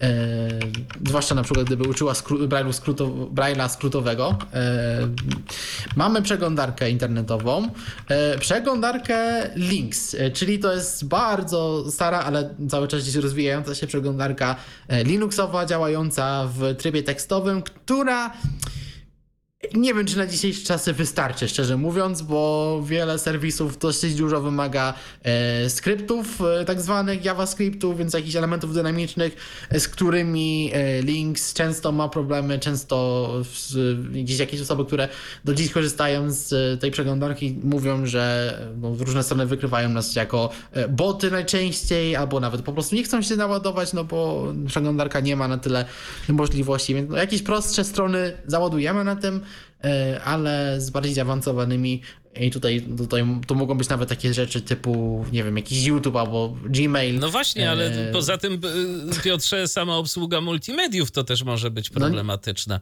Już nawet gdyby Links miał jakieś wsparcie dla JavaScriptu, to zastanawiam się, jak tam obsługa multimediów w ogóle wygląda. No właśnie, więc no tutaj może być problem. No, poniekąd producent ma na to rozwiązanie, ale o tym za chwilę. E, no właśnie, działa na Linuxie. E, mamy kalendarz, mamy zegar, pewnie z budzikiem i e, kalkulator. E, Mamy wejście HDMI, więc możemy sobie podłączyć jakiś monitor i pokazywać osobom widzącym to, co jest na ekranie. I mamy wejście USB-C do podłączania klawiatur, pamięci przenośnych na USB. Mamy wejście na karty pamięci. E, Tutaj e, Dean nie był pewny o jak maksymalną pojemność. Na pewno 256 giga działało, ale może pewnie by się dało większe karty, jakby ktoś potrzebował. Co ciekawe, też nie mamy e, wejścia słuchawkowego. Jest natomiast Bluetooth, więc można też korzystać ze słuchawek bezprzewodowych lub podłączyć sobie przejściówki. Też ciekawe, że nie da się do tego, chociaż w sumie to jest Linux, może by się dało e, linijkę brailleowską podłączyć do tego na USB, jakby ktoś chciał e, też Braille'a na tym mieć. Mamy oczywiście Wi-Fi. E, Mamy aplikację do czata GPT, no czemu nie, mamy rok jaki mamy, więc chat GPT jest wszędzie. Tutaj też będziemy potrzebować klucza własnego do tego. Syntezy. Syntezy mamy do wyboru dwie standardowo. Mamy iSpeaka i e, TikToka, który co ciekawe strona, e, która chyba była też właśnie czatem napisana, mówi, że to są e, bardzo ludzko brzmiące głosy. No nie wiem, no TikToka lubię, nie powiem, ale czy nazwałbym go ludzko brzmiącym, to To tak jak ja bym powiedział, że Apollo brzmi jak człowiek. tak. Nie No, ale, ale jest też eSpeak, pewnie by się RH Voice'a też dało zainstalować.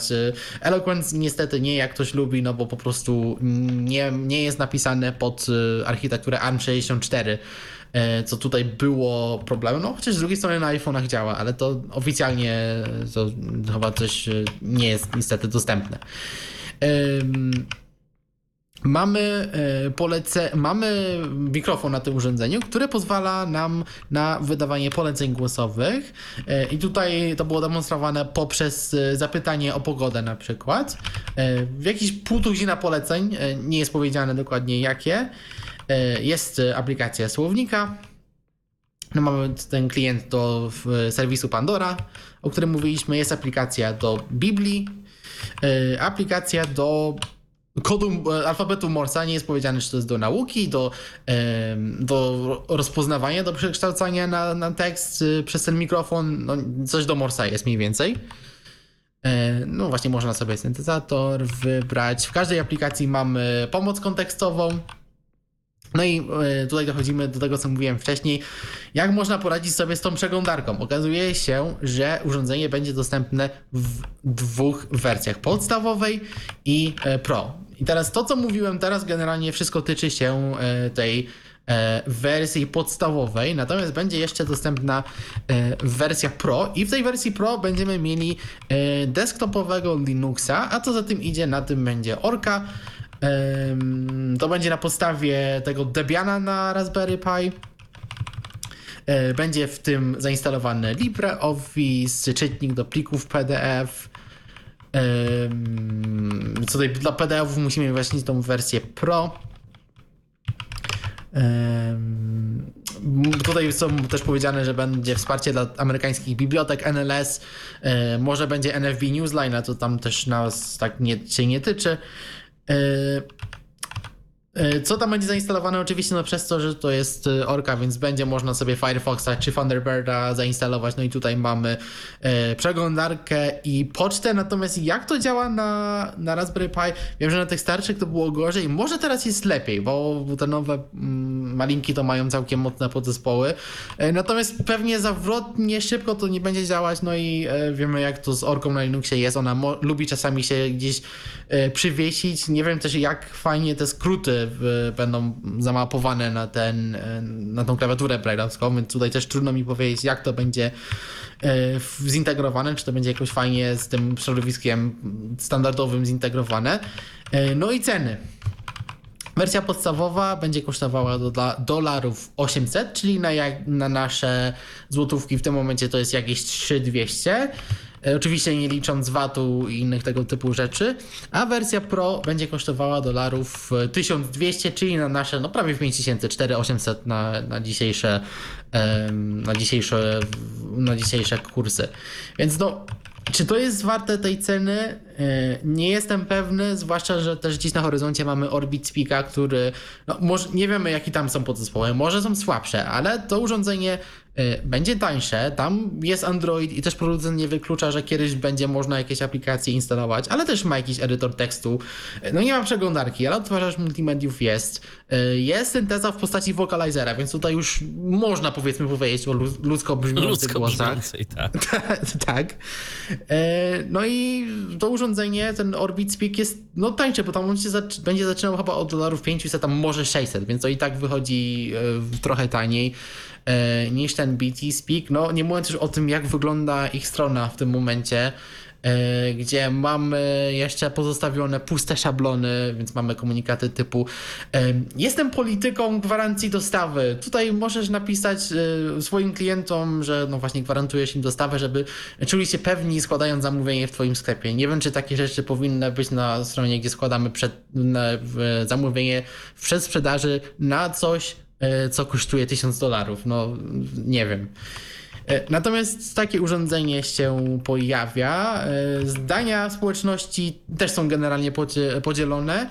No ale może będzie działało fajnie, może gdzieś ten kod zostanie udostępniony i urządzenie no właśnie, faktycznie... To, nawet gdzieś w takiej naszej dyskusji to wypłynęło, bo mhm. moim zdaniem to właśnie to miałoby sens, gdyby pan tak. Blazy udostępnił ten kod, skoro to działa na y, otwartym urządzeniu, no dobrze, tam jakieś modyfikacje pewnie są, bo jest ta klawiaturka brajlowska, więc y, tu pewnie trzeba by sobie zrobić jakiś kontroler, ale też fajnie by było to udostępnić, jakieś jakieś e, schematy, żeby każdy mógł sobie to e, wyprodukować własnym sumptem albo kogoś poprosić, żeby, żeby mu to złożył, a oprogramowanie, jeżeli byłoby otwarte, no to jest szansa, że przy odpowiedniej e, ilości zainteresowanych, no to można by kogoś tam zaangażować w jakiś rozwój i rzeczywiście miałoby to sens.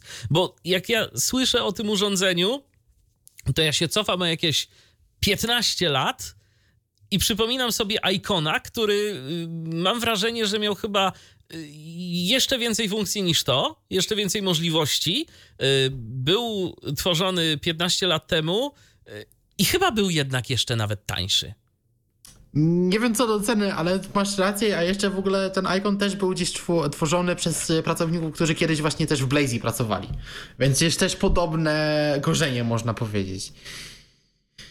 No, no także myślę, że na razie to jest tyle, co możemy powiedzieć na, na temat BT Speaka. No i zobaczymy. Czas pokaże, zobaczymy, tak. co tam będzie w przyszłości, jak to urządzenie się przyjmie. Może co niektórzy, pamiętając y, pana Blaziego i y, bez wątpienia zasługi, które poczynił dla niewidomych, y, bo jak dobrze w ogóle pamiętam, to jest to człowiek y, widzący. To nie jest niewidomy, który się zaangażował w rozwój społeczności, tylko po prostu jest to człowiek z zewnątrz, który gdzieś tam spotkał jakieś osoby niewidome i postanowił im pomóc. I w ten sposób w ogóle powstały te pierwsze notatniki brajlowskie, które naprawdę no, na tamte czasy to było, to było coś i są to urządzenia, które jeżeli chodzi o swoją taką szybkość działania, to do dziś mam wrażenie, że nie bardzo mają konkurencję, y, jeżeli chodzi o te nowe urządzenia. Więc zobaczymy, jak to będzie tym razem, co będzie dalej z BT Speakiem. Odbieramy tymczasem kolejny telefon. Kto jest z nami? ponownie. Witaj. Jak żeście zgadli, NVDA zareagował na Bluetootha. No to super. To cieszymy się bardzo. Być może, Sylwestrze, y, ja bym jeszcze spróbował ewentualnie poszukać na stronie y, Freedom Scientific y, w dziale download sterowników do tej linijki. Mm, może trzeba rzeczywiście do takiego starszego modelu w przypadku JOSa je zainstalować. Może tak jest. Nie, ja mam płytkę do tego. A masz płytkę i instalowałeś. Kiedyś instalowałem, ale już na tym Y, nowym komputerze, nie musiałem instalować, po miesiącu, y, y, jak komputer miałem, ten nowy, mhm. to Windows chyba mi to za, wykrywał. załadował. Okej. Okay, no to... Ale tylko na USB. Na Bluetootha nie? Nie. A widzisz, no to... To ciekawa sprawa. Szczerze mówiąc, nie mam takiego doświadczenia z JOSem i z linijkami. Ale, tak, ale dobrze, dobrze powiedzieli, że to tak na NVDA i zadziałało. No to najważniejsze, że działa. Ja to...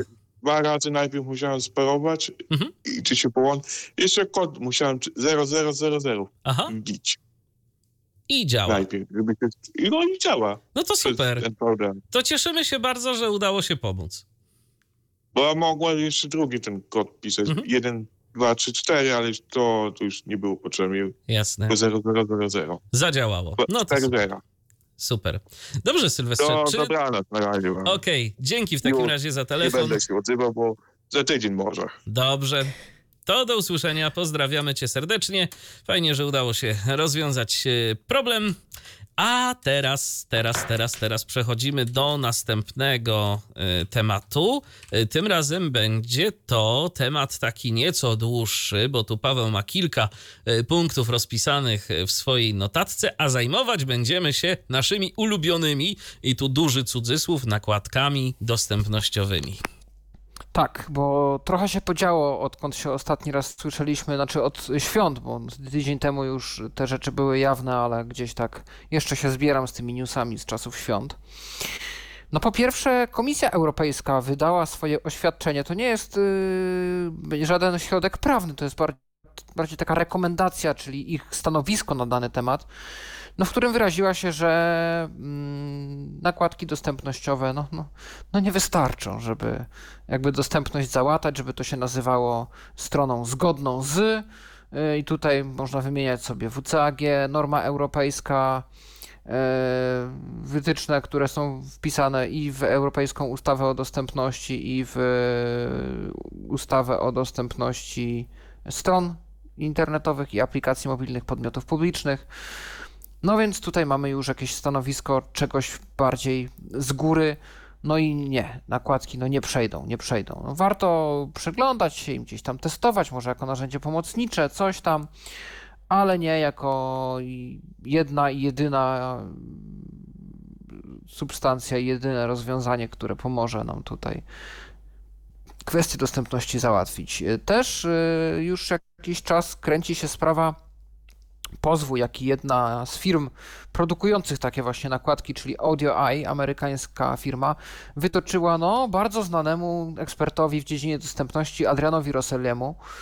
E, no i udało się obydwu stronom e, dojść do porozumienia, to znaczy Audio Eye wycofało się z, tej, z tego pozwu.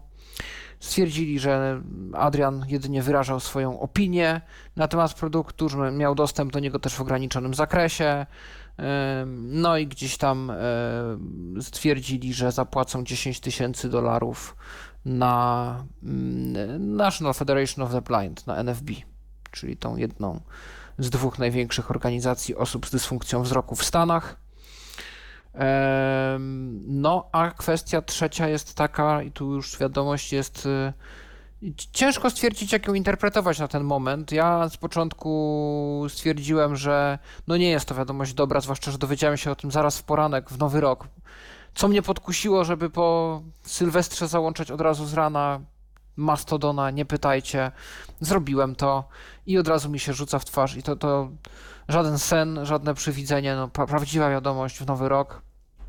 E, Level Access, czyli jedna z również bardzo znanych amerykańskich firm zajmujących się audytowaniem dostępności, przejęła Userway, czyli jednego z twórców nakładek dostępnościowych. Ostatnio zresztą Userway e, był, byli bohaterami e, wywiadu u Jonathana Mausena w Living Blindfully, gdzie próbowali się jakoś tam no, bronić i ratować dobre imię swojej firmy, że oni nie są wcale tacy źli, że oni w sumie nie, nie chcą nic złego dla, dla osób z dysfunkcjami różnymi, że oni chcą robić lepszy internet i, i że to wszystko będzie z korzyścią dla nas. No jedni uwierzyli, drudzy mniej.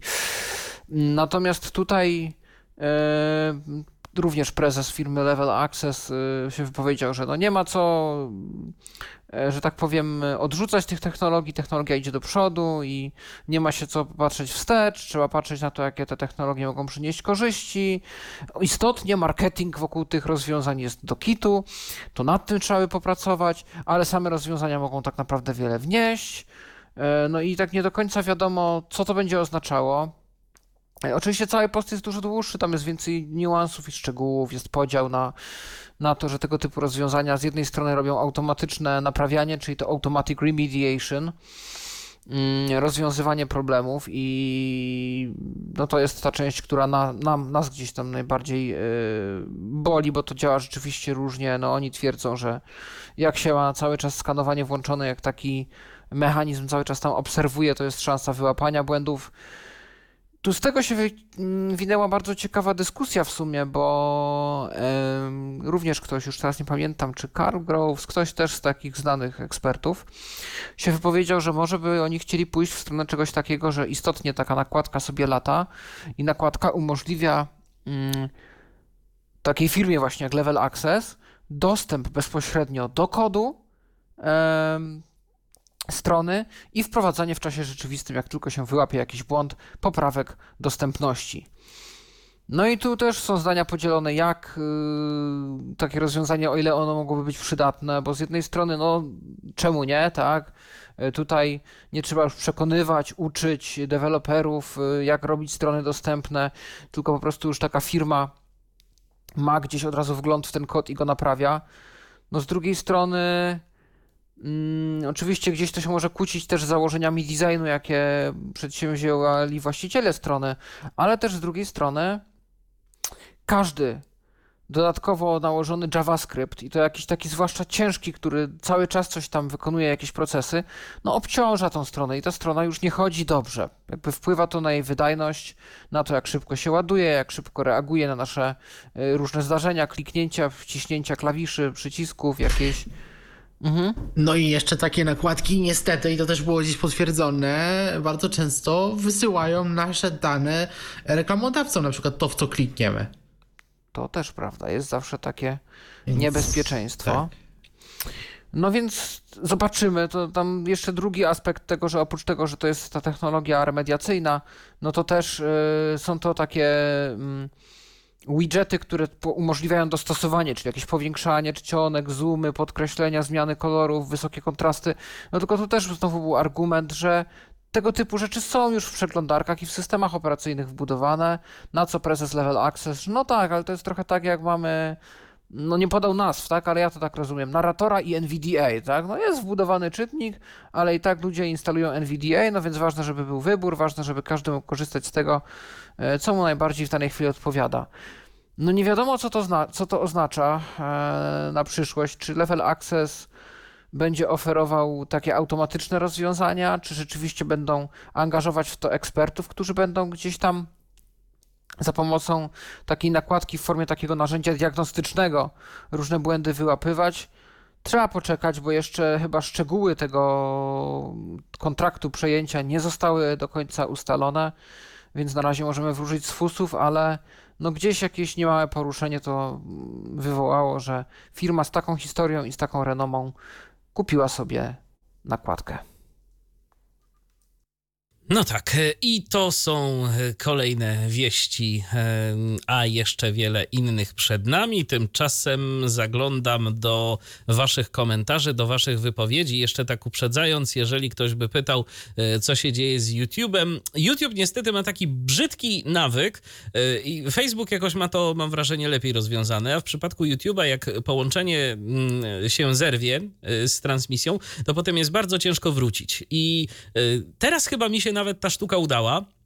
Ale to było któreś podejście, a sami rozumiecie, prowadząc tu audycję na żywo i jednak w jakąś interakcję wchodząc, to trochę ciężko jest jeszcze ogarniać e, te kwestie y, z naszymi dodatkowymi transmisjami. A pamiętajcie, i to zawsze będę powtarzał, podstawową transmisją, która zawsze działa i działać będzie, i to naprawdę e, działa super, nawet jak się tam coś wysypie, jak się coś zerwie, to zawsze wracamy, to jest Tyflo Radio.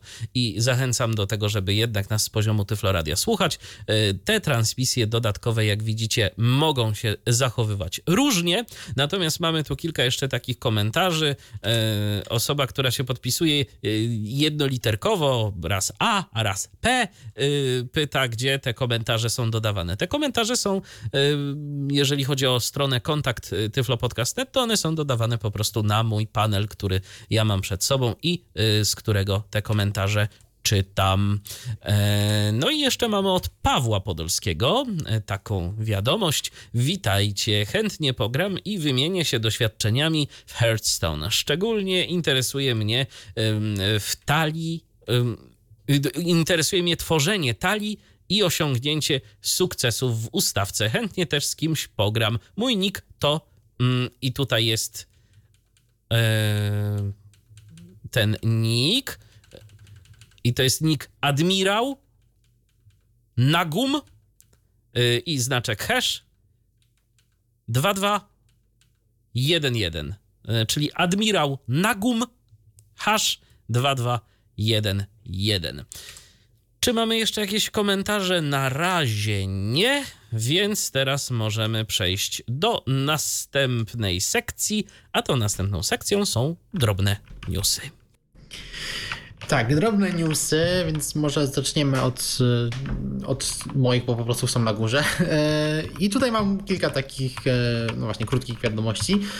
Po pierwsze, rozszerzenie do przeglądarek, zarówno do Firefoxa, jak i do Chroma.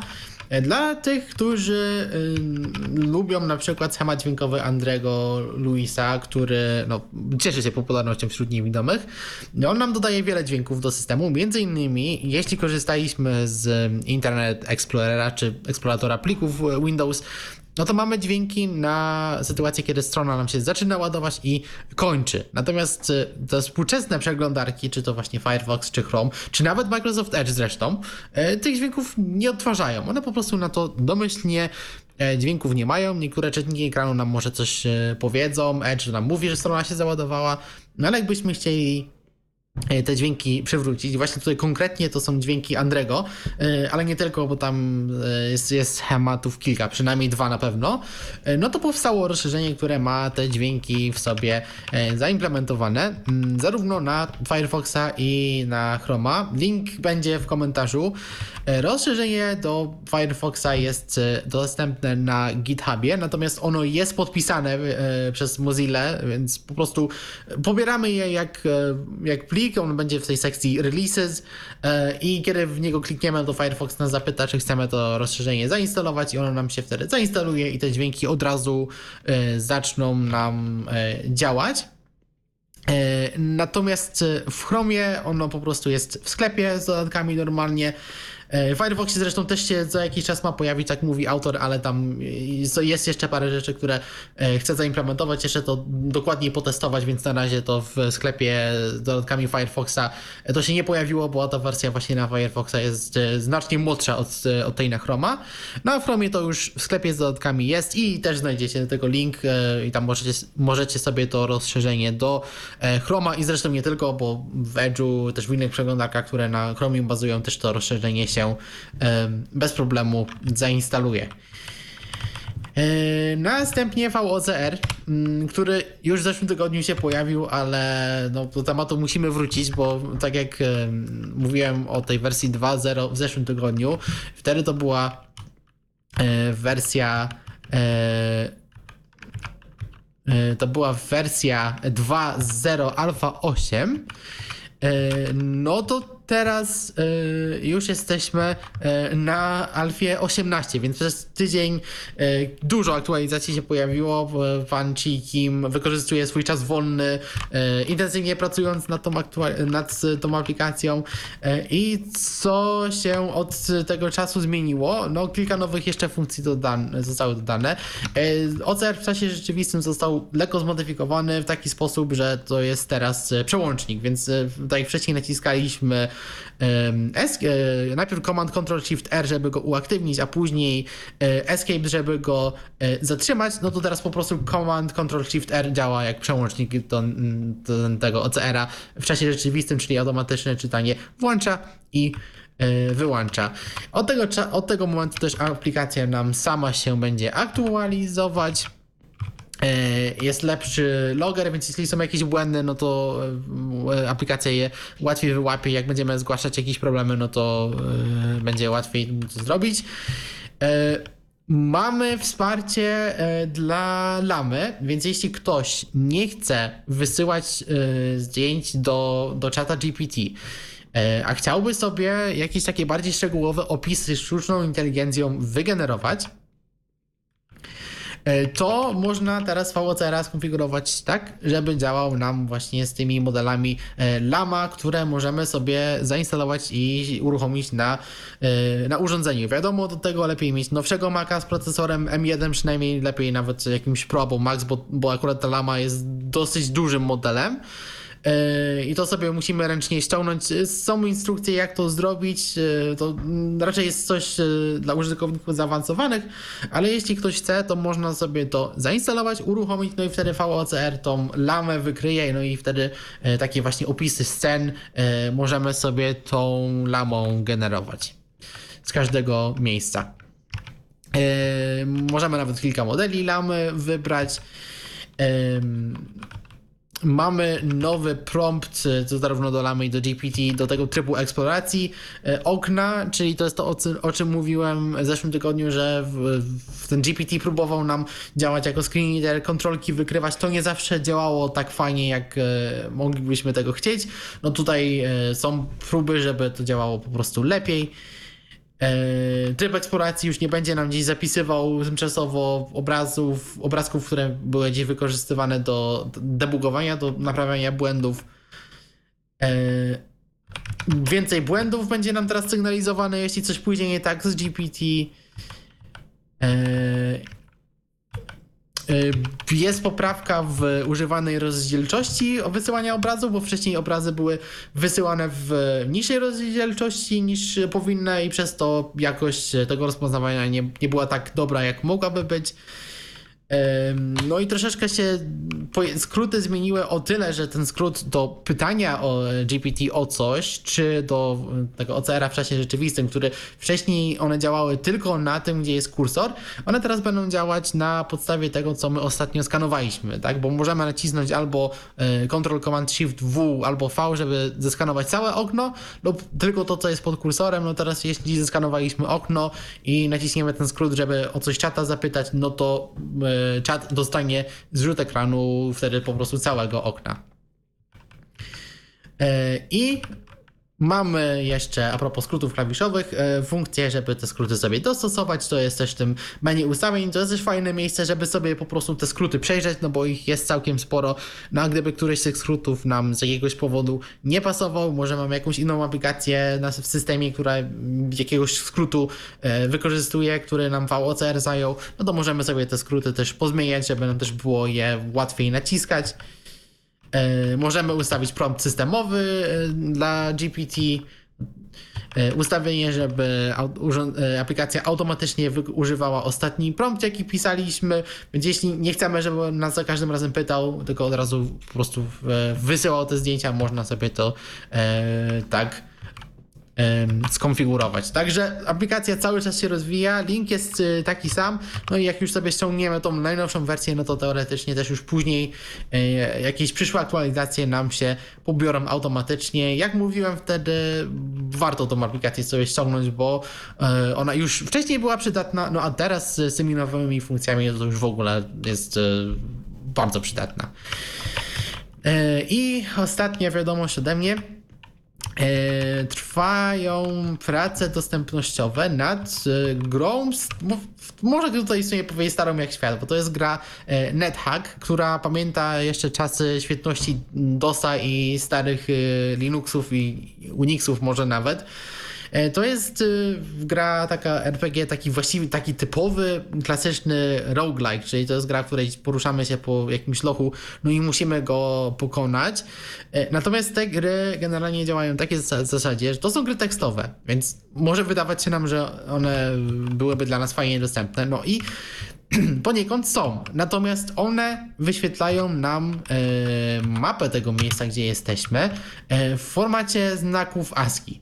Więc mową to, to się przetwarza bardzo ciężko. Są osoby, które w Braille'u e, grały w takie gry, to można nawet sensownie robić, natomiast to na pewno zajmuje więcej czasu. E, więc fajnie, że tutaj ktoś zaczął myśleć nad tym, jak to było, można było nam e, udostępnić.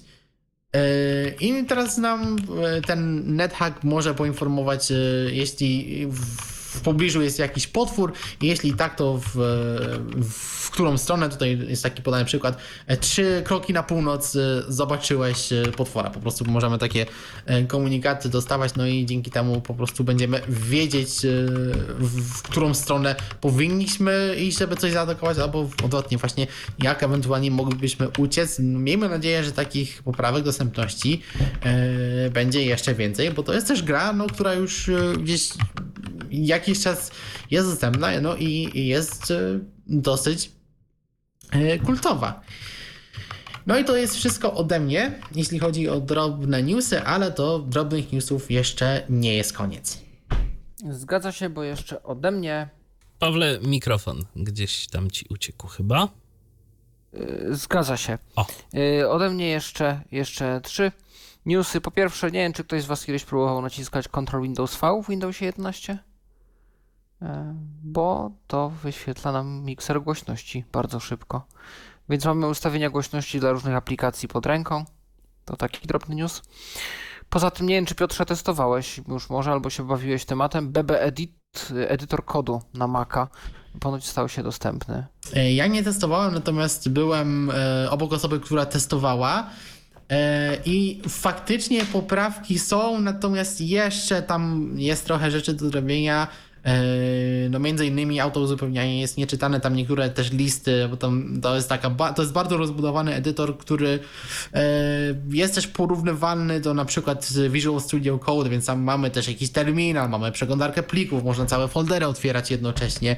E, no i gdzieś tam te listy jeszcze nie są czytane tak fajnie, jak, jak być powinny. Miejmy nadzieję, że tutaj program, programiści będą tą aplikację jeszcze bardziej udostępniać. Wiem, że jakieś próby kontaktu były nawiązane.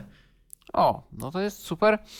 No i na koniec y, Dolphin e, nawiązuje współpracę z ABC, czyli Accessible Books Consortium. To jest konsorcjum, które pracuje między innymi nad. Y, tam chyba są biblioteki dla niewidomych, wydawcy, różne strony pracujące nad na przykład traktatem z Marrakeszu.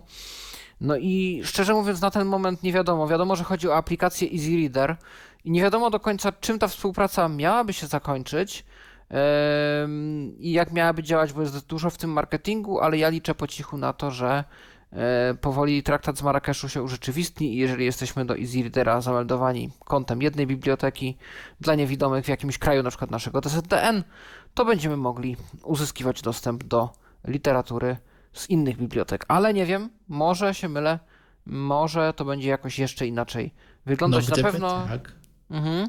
No to byłoby super, no bo ten Easy Reader nie jest jakiś drogi, to jest chyba 30 funtów rocznie, e, z tego co pamiętam, ten abonament, który pozwala nam się gdzieś logować, czy to nawet nie wiem, czy w wersji darmowej nie można, e, no ale no właśnie, gdyby tak się dało, miejmy nadzieję. No bo na pewno celem jest, i to o tym piszą, żeby dać dostęp do literatury osobom z krajów gdzieś tam rozwijających się. Więc no, nie wiem, zobaczymy. Miejmy nadzieję, że dokładnie tym będzie ta współpraca.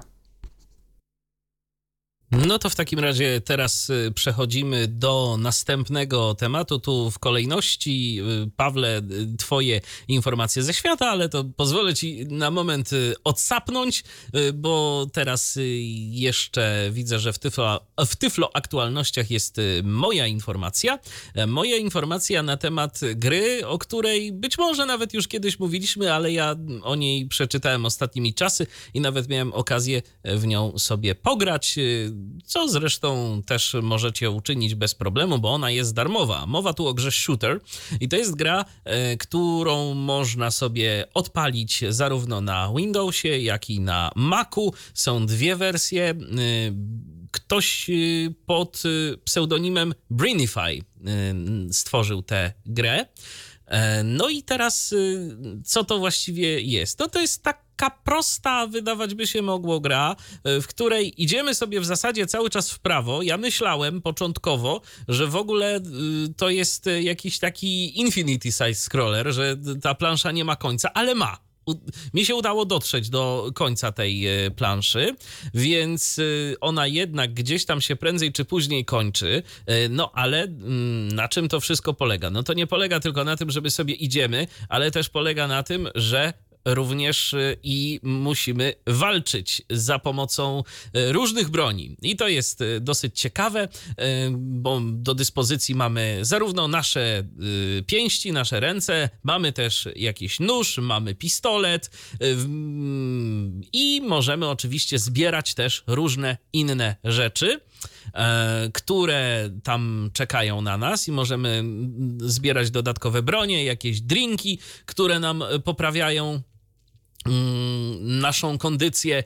No i y, cała rzecz polega na tym, żeby po prostu tych y, naszych kolejnych przeciwników e, likwidować. To polega po prostu na tym, że idziemy sobie tą ścieżką y, po różnych powierzchniach, tam nawet gdzieś do wody się w pewnym momencie dostajemy i sobie w wodzie idziemy czy płyniemy i nagle słyszymy, że z lewej lub z prawej strony ktoś do nas podchodzi. No i tu nie ma opcji, żeby się jakoś tam przywitać, tu po prostu trzeba się tego osobnika pozbyć. Y, ktoś także może się pozbyć nas, y, więc to y, również warto o tym pamiętać. Też czekają na nas różne takie pułapki, na przykład coś takiego, nie wiem w sumie co to jest, ale co, co jakiś czas, y, mm, kiedy sobie idziemy po tej e, planszy, to słyszymy taki odgłos, y, jakby jakieś ostrze przecinało powietrze i to jest chyba jakieś takie latające ostrze, na które musimy bardzo uważać, no bo ono jest nas, nas y, w stanie pozbawić życia. Więc to jest taka gra, która z jednej strony wydaje się niezbyt skomplikowana, z drugiej strony no może trochę czasu nam zająć, zająć, różne rzeczy tam możemy zbierać i tu jedna taka bardzo ważna rzecz. Jedną z tych rzeczy, które możemy sobie zebrać, to jest bomba. Mm, I kiedy ją zbierzemy enterem, to trzeba bardzo uważać, bo potem ponowne naciśnięcie klawisza enter to tę bombę jest w stanie aktywować. A jak znajdziemy się blisko tej bomby, no to e, no niestety, ale już po nas. Nie wiem, czy ty Piotrze grałeś w tego shootera? Miałeś okazję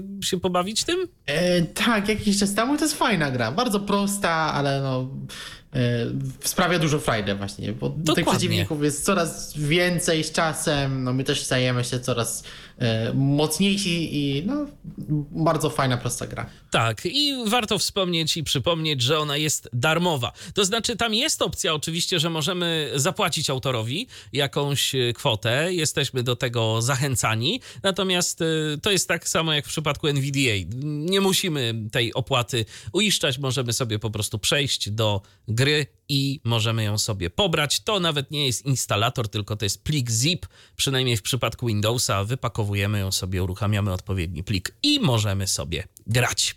Tymczasem mamy telefon. Jest z nami Bartek. Dobry wieczór, Bartku. No witajcie serdecznie. E, ostatnio w zeszłym tygodniu nas niespodziewanie rozłączyło. Chyba były, były jakieś problemy z internetem. Były was? problemy z internetem, dzisiaj też y, problemy z internetem no, no były, właśnie zauważyłem, ale... że na Facebooku e, po godzinie zerwało. Próbowałem e, tutaj e, jakoś, że tak powiem, działać. Sprawdzałem na, w, w, tutaj w, w Tyflo Radiu przez e, odtwarzacz na komputerze i też chwilowo były problemy na YouTubie, też były problemy, ale po chwili na Facebooku audycja wróciła i na szczęście już się słyszymy normalnie. Właśnie dlatego mówię, że Facebook to jednak y, jakoś tak fajniej obsługuje te transmisje na żywo. W przypadku YouTube'a jest jakiś y, problem. y, Mi naprawdę zajęło chwilę czasu, żeby to przywrócić. No, YouTube no, też już no właśnie- powinien działać. No właśnie, zaraz po Facebooku, jak kliknąłem wa, e, wasz, e, waszą stronę, to pokazało mi, że w tej chwili nie, nie ma żadnych audycji na żywo, więc. Ale to było zaraz po tej awarii, także możliwe, że już teraz wszystko działa jak należy. Okej, i tutaj na sam początek chciałem tutaj, Pawle, powiedzieć, że ten skrót, który przed chwilą podałeś do Windowsa 11, czyli Control Windows V, rzeczywiście działa. No to się cieszę, to miło I- słyszeć. I nawet, że tak powiem, jest troszeczkę rozbudowany pod względem ustawień, bo również też można sterować ustawieniami NVDA. No w sensie głośnością, tak? Czy kartą? Tak, no nie, nie, w- wyda- wiesz co, Pawle, tak się nie zagłębiałem, bo tylko tak pobieżnie tutaj przed telefonem do was się w to wgłębiłem. De facto jest przycisk więcej opcji i nie wiem, co jest pod nim, bo na głównym oknie mamy tylko wycisz NVDA, czyli to może działać e, tak samo jak e, skrót insert S, jakbyśmy zrobili. Ja tak bynajmniej podejrzewam, że to może do, te, e, do tego się odnosić. Znaczy, nie, po... nie, nie, nie, nie, nie, to wtedy wyciszysz dźwięk NVDA na poziomie Windowsa. Ja bym tego nie polecał robić, bo potem możesz nie wrócić, jak nie masz Tak, tak, no ja, ja, tak, tak, ja, ja, ja, tego nie, nie robiłem, tylko Nie, patrzyłem nie, nie, właśnie to- to jest wyciszanie-. W ten sposób możesz wyciszyć dowolną aplikację w Windowsie. A, no, bo- no bo to wtedy nie będzie działać jak, y, na zasadzie, jakbyśmy na klawiaturze z- y, fizycznie wcisnęli przycisk mute, nie? To wtedy nam się cały, cały No. system i tak wycisza, a tutaj to poszczególne aplikacje może być problem aplikacje, z cofnięciem. Tak. Okej, dobrze. I króciutko druga sprawa, o której zresztą właśnie mówiłem w zeszłym tygodniu, ale przez to przerwanie połączenia nie dokończyłem, a przez ten czas udało mi się zebrać szczegółowe informacje, więc może króciutko je przedstawię na antenie dotyczące dofinansowania tych białych lasek, e, które się zmieniło z początkiem roku. Więc y, zacznę od tego, że w ogóle zmienił się symbol y, na zlecenie Białej Laski. Dawniej było to, jeżeli dobrze pamiętam, P122. Teraz ten skrót będzie zaczynał się od S.08 i dalsza część tego symbolu będzie tak naprawdę zależała, e, o którą e, laskę będziemy, że tak powiem, dofinansowanie e, wnioskować, znaczy się wnioskować, brać dofinansowanie. Króciutko może tylko powiem, że tak zwana laska podpórkowa jednoczęściowa to jest S, S08 i same końcówki będą się zmieniać. To będzie końcówka 01. Jeżeli dobrze pamiętam, dofinansowanie było 100 zł. Podpórkowa składana to jest e, końcówka 02 140 zł. Laska e, orientacyjna, jednoczęściowa to jest końcówka 03 i tutaj już mamy 200 zł dofinansowania. E, orientacyjna składana to jest e, 04 i to jest 250 zł. Końc, y, I y, ostatnia z gatunków y, białych lasek to jest laska sygnalizacyjna, czyli końcówka tego symbolu to jest 0,5 i tutaj dofinansowanie wynosi 220 zł. I tutaj w tym ostatnim przypadku nie jest wyszczególnione, czy mówimy o składanej, czy jednoczęściowej. I jeszcze jest y, y, symbol końcówka S08 i końcówka 06 y, na końcówki do białych lasek, gdzie jeżeli dobrze pamiętam dofinansowanie wynosiło 30 zł.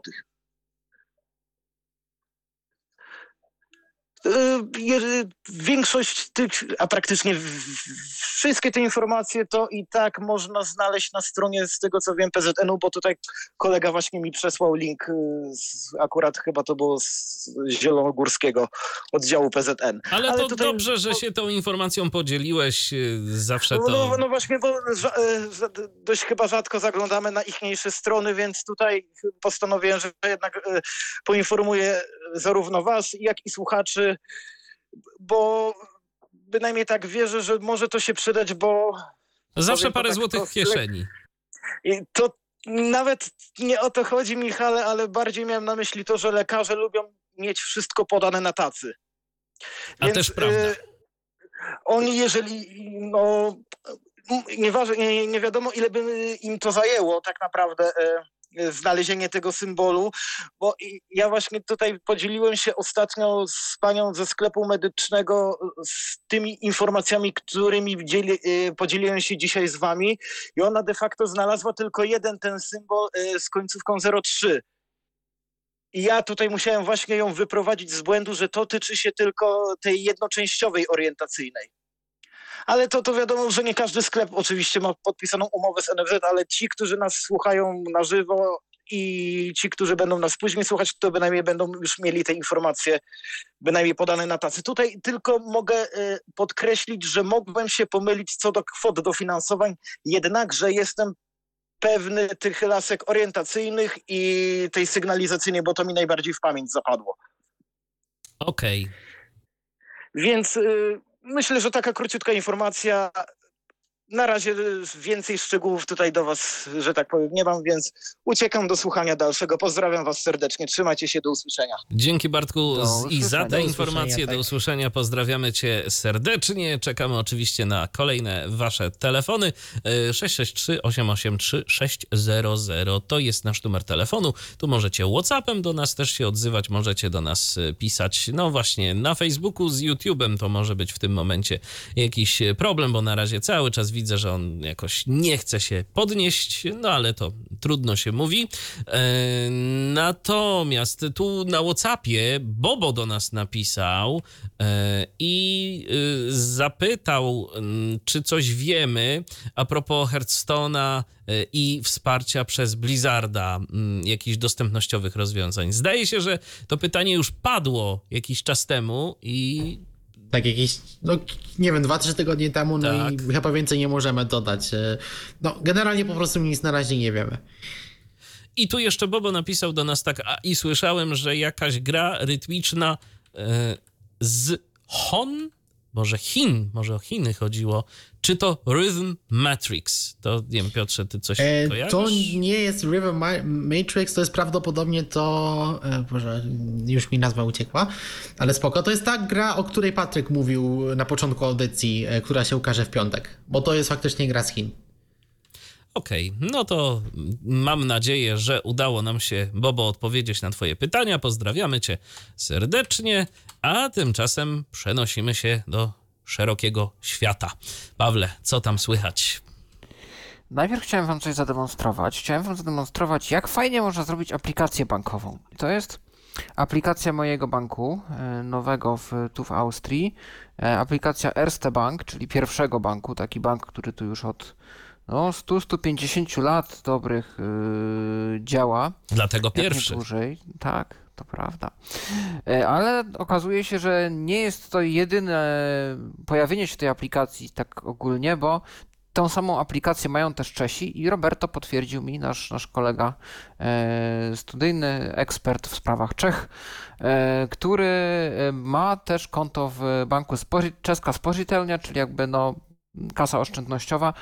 E, I tam też aplikacja George, bo tak nazywa się aplikacja, jest e, czeski George, austriacki George, ale to jest w gruncie rzeczy ta sama aplikacja. Występuje i ja zaraz tutaj wejdę do tej aplikacji, bo, bo to naprawdę warto zobaczyć. No więc, więc jestem sobie w aplikacji George, zidentyfikowałem się Face ID i jestem na ekranie głównym. No i nie wiem, jak wy pamiętacie ekrany główne waszych banków. Tam dużo jest pewnie jakichś banerów reklamowych, przycisków zamknij, e, milion widgetów, jakichś tam e, reklam różnego rodzaju usług, e, pewnie tutaj jakiś wyciąg, kilka tam operacji ostatnich z konta. No ja tak ko- kojarzę to z banku, mm, przynajmniej i tam jeszcze jak, jak się rewolutem bawiłem, cinkciarze i tak dalej, no zawsze to było jakieś takie rozbabrane. Wiko jest dość prosto, powiem szczerze. No nie, niestety Santanderze jest podobnie jak mówiłaś. Oj, Aha. to wam współczuję. To zobaczymy, czy w ICO jest aż tak prosto. Bo tutaj jest tak. Search Find to jest przycisk do, wiadomo, szukania różnych tam mm, pewnie kontaktów, tam zapisanych wcześniej odbiorców przelewów, jakichś może transakcji. To jest mój profil, tu jest menu, ustawienia, różne takie. Nagłówek, prze, pod, e, przegląd, overview. No i co my tu mamy? Yy, Giro account to jest moje konto podstawowe. No i 0 euro, 0 euro dostępne, no bo możemy też mieć jakieś przyblokowane środki. I dostępne czynności. No i S-Spar konto Basis to jest konto y, oszczędnościowe. Zaznaczen. Overview. Tab. 103. I to jest wszystko. I tu mamy zakła- zakładki już na dole. Przegląd. Sklep, tutaj można kupować różne, różne rzeczy, które w tym banku można kupować. Jakieś do ładowania telefonów, z tego co pamiętam, jakieś bilety na przeróżne wydarzenia. No, w Polsce też się takie usługi już w banku, w bankach pojawiają. Contact. Tab. Free of free. I kontakt, czyli kontakt z konsultantem. To z ciekawości, jakie to są czynności na, na tych kontach? A no właśnie do tego chciałem przejść. Nowy przelew, więcej działań i tyle. A więcej działań mogę aktywować Apple Pay, czego jeszcze nie zrobiłem, no bo skoro nie ma tu żadnych pieniędzy, to jaki sens? Mogę udostępnić swój numer IBAN, gdyby ktoś chciał mi coś przelać. Mogę zażyczyć sobie płatności przez kod QR i w Austrii chyba tak to działa. To znaczy. Tu, przepraszam. Eee, po prostu nie ma wysyłania jak u nas blik yy, przez numer telefonu. W Czechach to powoli wchodzi w Georgiu i tam w kilku innych bankach też, w sensie w Spożytelny i w jakiś tam jeszcze. Natomiast e, no, e, tutaj trzeba wygenerować kod QR. Znaczy najczęściej ludzie sobie i tak podają IBANy, ale jest taki sposób, żeby wygenerujemy sobie kod QR, w którym prosimy o jakąś kwotę. Wysyłamy ten kod QR jako zdjęcie, na przykład WhatsAppem, Signalem, jakimkolwiek komunikatorem i taki obrazek można otworzyć w aplikacji George po drugiej stronie i z tego kodu zostaną już załadowane wszystkie dane do przelewu. No więc coś takiego tutaj można zrobić. No można zobaczyć sobie kod PIN karty. Można zmienić sobie limity, ile aplikacją chcemy móc... y, tak, i nie, limit y, karty, tak, po- poniżej ilu możemy zejść. E, Tutaj co się dzieje z y, jakby zaokrąglaniem y, oszczędności, czyli jeżeli mamy jakieś tam, y, no nie wiem, brakuje nam iluś tam centów, to co, co z tymi centami ma się stać? y, Czy ma wpaść nam na konto oszczędnościowe, czy coś? Te wszystkie po jednym cenciku, tam gdzie wszystkie 99,99, no to czy chcemy, żeby te centy takie, nad, które brakowałyby nam do okrągłej liczby, żeby były i tak pobierane, ale gdzieś na jakieś konto oszczędnościowe czy coś. Tu możemy zmienić sobie jakieś tam dane karty. I tu można sobie też zmienić wygląd i kolejność kont, czyli można sobie te konta też przesuwać. E, A nawet nie, to są nawet elementy w tym menu. I to jest wszystko, co można robić. No Więc to Pawle, naprawdę... ICO nie jest takie proste aż, ale y, mam takie wrażenie, że to jest ten kierunek, w jakim PKO BP poszło. Y, Trochę jeszcze istotnie brakuje tutaj do uproszczenia, bo na przykład mamy tę zakładkę płatności, tam jest tego znacznie, znacznie więcej. Y, Też ten ekran główny nie jest taki intuicyjny tak bardzo, ale na pewno y, nie ma aż takiego śmiecenia jakimiś ofertami, jakimiś informacjami zbędnymi zupełnie na ekranie głównym. To rzeczywiście, to, to, i to jest coś takiego, czego absolutnie w ICO przynajmniej y, na razie nie widzę.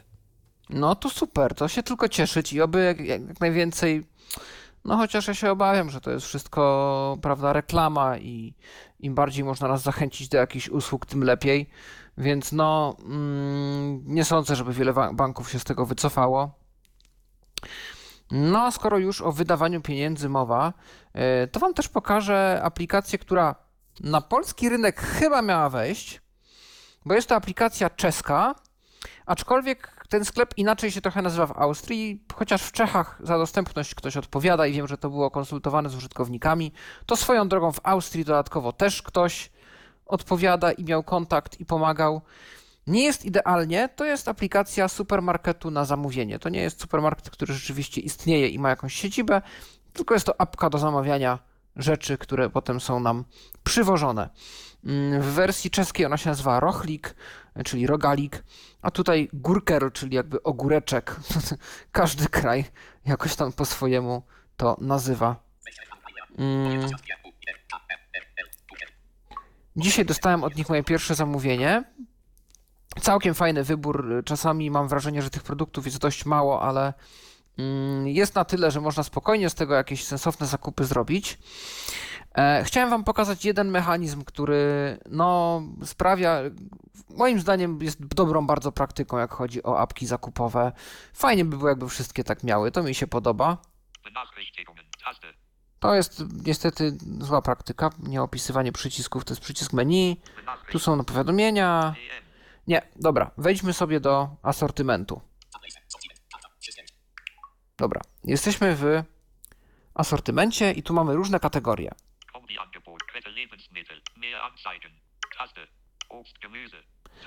Owoce, warzywa, chlebo i pieczywo, chleby i pieczywo, mięso i ryby, e, kiełbasy, szynki.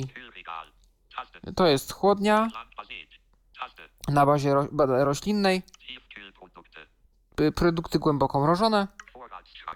I to jest chyba kredens, czyli różne słodkie, słone przekąseczki i tak dalej. Wejdźmy sobie tu.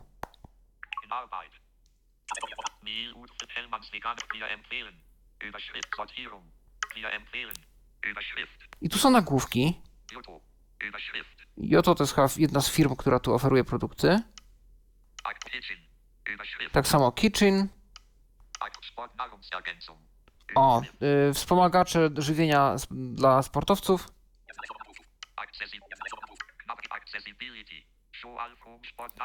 Accessibility. Show all. No tutaj ten przycisk mógł być trochę lepiej podpisany.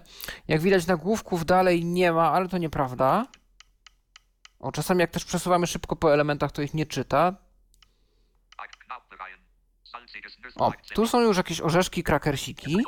To może wejdźmy w te orzeszki, krakersiki. No i jestem. No i mamy tu różne produkty. Soletti Salzstangerl 230g. Preis 2,99. To są paluszki słone za 2,99 euro, 230 gram. I teraz, jak ja mógłbym je dodać do koszyka? No mógłbym stuknąć dwukrotnie i sobie tu wejść i kliknąć tam kup. Natomiast nasze pokrętło jest ustawione na zmiana wartości. I teraz ja pociągam palcem do góry i on nam przeczytał niestety, no nie to co powinien, przeczytał nam Accessibility Card Amount, czyli tutaj ktoś czegoś nie doprogramował, ale jak zejdziemy na sam dół, cztery palce na dół ekranu, na koszyk, to się okazuje, że mamy Warenkorb 1 1 obiekt, czyli w koszyku jest już jeden obiekt. No i jak wrócimy na te paluszki,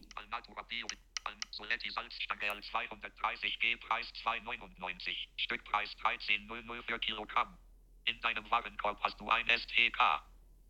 In deinem Warenkorb hast du ein Stück, czyli w twoim koszyku znajduje się jedna sztuka tego produktu. Czyli się nam udało po prostu machnąc, machną, machnąwszy palcem w górę, mm, podbić ilość tych paluszków słonych w koszyku. Teraz gdybym przesunął jeszcze raz w górę,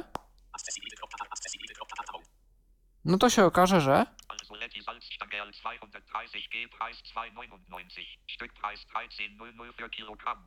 Also Letti Salzstange als 230 G Preis 2,99. Stückpreis 13,00 für Kilogramm. In deinem Warenkorb hast du zwei ST. i mam już dwie sztuki tego produktu. No jakbym zaczął pociągać palcem w dół, to kompletnie usunąłem obydwie sztuki z koszyka.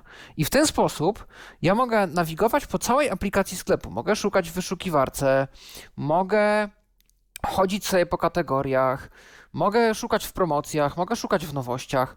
Jak znajdę coś, co mi się spodoba i chcę to mieć w koszyku, albo mam już jakieś swoje ulubione produkty i po prostu je znajduję jeden po drugim, to już nie muszę wchodzić do środka, klikać kupuj, wracać, tylko na pokrętle mach do góry, szukam następnego mach do góry, dwa razy może, bo potrzebuję dwie sztuki, potem mi się przypomni, że czegoś nie chcę, to mach w dół i to usuwam. Podobny mechanizm jest, y, Pawle, w aplikacji Pyszne. I y, powiem szczerze, Tak. dla kogoś, kto nie ma świadomości tego, y, że taki mechanizm jest obecny, to wcale to nie jest takie dobre rozwiązanie, bo oczywiście ja się z tobą zgadzam, że tutaj to to jest super, ale ja już miałem kiedyś taką sytuację, że na przykład zamówiłem sobie tam jakąś y, potrawę z pysznego, y, poklikałem sobie w jakieś tam konkretne składniki, które jeszcze sobie życzyłem. Zdaje się, że to jakaś pizza była i kompozycja własna. Poklikałem, poklikałem, powybierałem.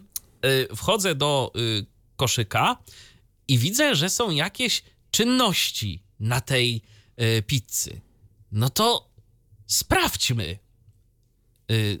Przesunąłem palcem w dół.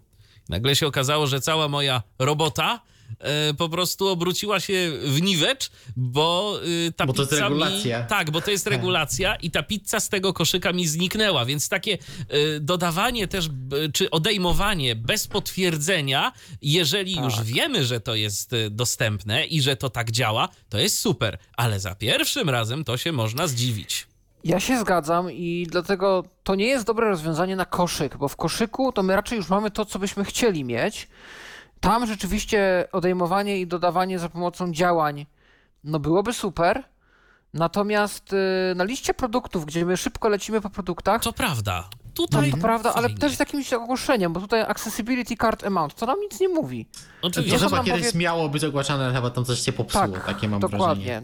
Niech oni zrobią poprawki, że będzie dodane jedno do koszyka, dodane dwa do koszyka, usunięto jedno z koszyka, albo tam dodano jeden, teraz jest dwa. No coś dałoby się zrobić więcej. Natomiast y, rzeczywiście przyspiesza to zakupy. Człowiek czuje się tak, jakby brał dosłownie rzeczy z półki.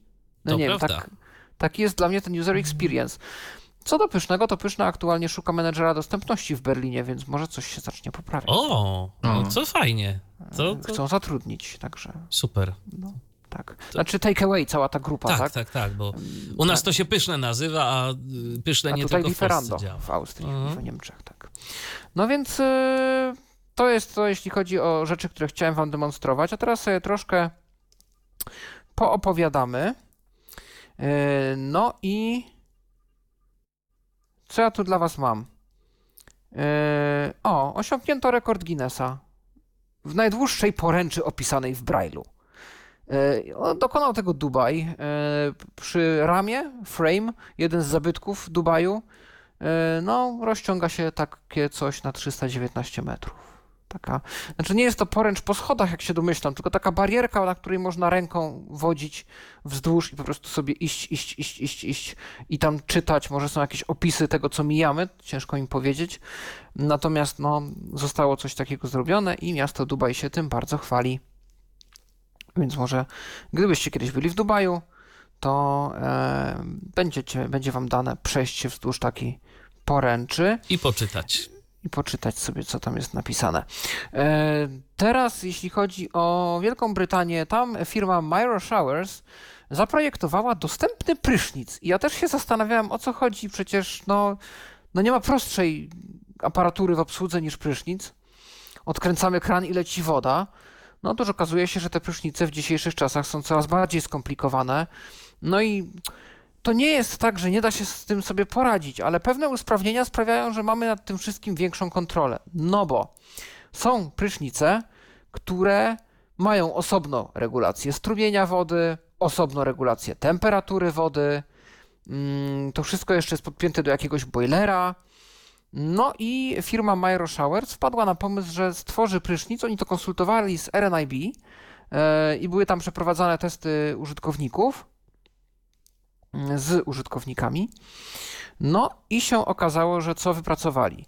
No na przykład, to jak dla osób niewidomych, że obracanie danego y, mechanizmu, czyli albo dostrajania temperatury, albo dostrajania mocy, odbywa się skokowo. Czyli no nie tak płynnie jak my znamy, tylko przez kliknięcia, że klik, następne ustawienie, klik, następne. No i gdybyśmy rzeczywiście chcieli ustawić sobie na przykład konkretną jakąś temperaturę, nie na, na wyczucie czy jakoś tam, tylko konkretną, żeby na przykład tam jakoś mądrze wykorzystać tę wodę, która jest w naszym boilerze, to możemy. Też dla osób niedowidzących są e, zaprojektowane odpowiednio, bo tam problem przy tego typu prysznicach zazwyczaj jest taki, że tam jest dla fajniejszego efektu wizualnego jakiś chromowany metal e, używany. No i przez to jest efekt lustra i dla osób słabowidzących no nie bardzo widać te oznaczenia tam zimno, ciepło i tak dalej. Natomiast y, tutaj wykorzystano powierzchnię matową i już jest lepiej. Oczywiście dostosowania też dla osób o ograniczonej mobilności, czyli dostrajanie wysokości słuchawki na różne sposoby, żeby i osoba na siedząco mogła się okąpać, i na stojąco, i z pomocą czyjąś, i samodzielnie, także tutaj jest to też bardzo ważny aspekt. No i jest przycisk on-off, e, no dzięki czemu można e, już sobie wstępnie ustawić jakiś strumień, jakąś temperaturę, zostawić to tak jak jest, tak jak lubimy i bez konieczności kręcenia w, na przykład gałkami, żeby wyłączyć w ogóle strumień wody, po prostu przyciskiem aktywować, żeby to zaczęło lecieć. No więc e, Myro Showers Select Flex, ten model się poleca, e, a my tymczasem przechodzimy do mm, Japonii, bo tu My już mówiliśmy o tym wiele razy, chyba z dwa albo trzy odcinki były takie, w których się pojawiła walizka nawigująca japońska. No, ale wracamy do tematu raz jeszcze, bo udało mi się dokopać do podcastu japońskiego, tym razem, JBICT, czyli Japanese Blind ICT Network, e, gdzie był wywiad prowadzony z osobami pracującymi nad tą walizką. No i co się okazuje? No na ten moment jest to prototyp, e, który będzie działał głównie w budynkach, w pomieszczeniach zamkniętych i będzie po prostu wypożyczany, czyli to nie będzie sprzęt, który my sobie kupujemy e, i używamy sobie go prywatnie, tylko na terenie na przykład muzeum, gdzie teraz jest testowana ta walizka, czy jakiegoś lotniska, czy galerii handlowej, będzie można taką walizkę wypożyczyć i ona za pomocą beaconów bluetoothowych będzie nas nawigować do tego miejsca, do którego chcemy dotrzeć. Sterowanie odbywa się przez smartfona. E, walizka wyposażona jest w LiDAR, e, który będzie wykrywał przeszkody. Mm, no ale te przeszkody wykryje dopiero na taką odległość, na jaką wykryje je LiDAR. Co jest ciekawe, bo oni mają też zestaw kamer, tylko że zestaw kamer jest do wymijania ludzi, a nie przeszkód. Tutaj już postanowili tego przetwarzania obrazu nie wykorzystywać e, i zdać się tylko i wyłącznie na LiDAR. Mm, jakieś pomysły na to, żeby ta e, walizka się nadawała do nawigacji na zewnątrz i żebyśmy my ją też mieli, no również zakusy na to jakieś są. Rozważania są różne, no bo to trzeba by wykorzystać GPS-a, nie wiadomo jak z wykrywaniem tych przeszkód na zewnątrz, e, GPS nie jest aż tak dokładny, żeby nas doprowadzić do celu i tak dalej. E, więc tu jest jeszcze dużo takich designerskich kwestii do rozważenia. Natomiast e, walizka jest ponoć wysokości, jak oni to powiedzieli, sięga nam do talii, jeżeli mamy długie nogi, czyli nie jest to taka walizka na, nie wiem, tygodniowy wylot za granicę, ale na pobyt gdzieś tam na przenocowanie czy na weekend, no tego typu rozmiar. Oczywiście są pomysły, żeby tę walizkę jakoś powiększyć i dać jej większą pojemność, żeby oprócz tego, że tam jest cała aparatura komputerowa, jeszcze móc tam spakować no, jakieś rzeczy, żeby ona była też funkcjonalną walizką. E, planowana jest funkcjonalność sterowania aplikacją smartfonową do walizki za pomocą głosu. No i to tyle, co na ten moment wiemy. E, więc domyślam się, że już teraz, jeżeli coś w sprawie tej walizki nowego by się okazało, no to będę już teraz przynajmniej siedział u źródła. I to wszystko, jeśli chodzi o wieści ze świata na ten tydzień. I to wszystko, jeżeli chodzi o tyflo aktualności, chyba że ktoś jeszcze z Was coś znalazł w międzyczasie. A jeżeli nie, to w takim razie przechodzimy do e, Tyflo, mm, nie, do technikaliów. Do technikaliów, a y, technikalia zaczniemy sobie od y, mojego newsa, który tu jeszcze dodałem w międzyczasie. No już taki news, który y, przeleżał sobie chwilkę, ale też i chciałbym się tym z wami podzielić. Będziemy kontynuować temat radiowy. Tu Paweł ostatnimi czasy podawał różnego rodzaju skróty do losowania stacji radiowych. Ja natomiast mam dla Was coś zupełnie e, działającego odmiennie, mianowicie jedną wielką, ogromną playlistę z wszystkimi stacjami radiowymi, które znajdują się w publicznym katalogu serwera Icecast, e, czyli takiego e, bardzo znanego, rozwijanego już od wielu, wielu lat e, serwera do przesyłania dźwięku strumieniowo, czyli po prostu zazwyczaj do radia internetowego albo naziemnego, które transmituje swój sygnał w sieci. I ten katalog jest dostępny, oczywiście można go sobie przeglądać, natomiast ja zawsze chciałem mieć jakąś taką playlistę, którą można by było sobie po prostu załadować do odtwarzacza, jakoś w miarę możliwości aktualizować i e, z niej coś tam ciekawego e, odkrywać. No i tak.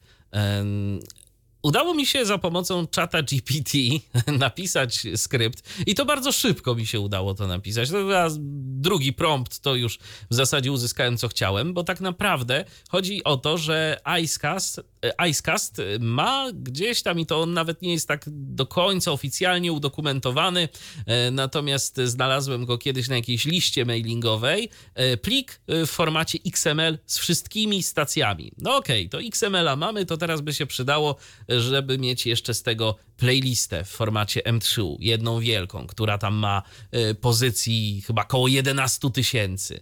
No i mam taki skrypt y, w Pythonie, y, który mm, jest bardzo prosty, uruchamiamy go i on pobiera ten plik XML, parsuje go i wyrzuca nam po prostu playlistę w formacie M3.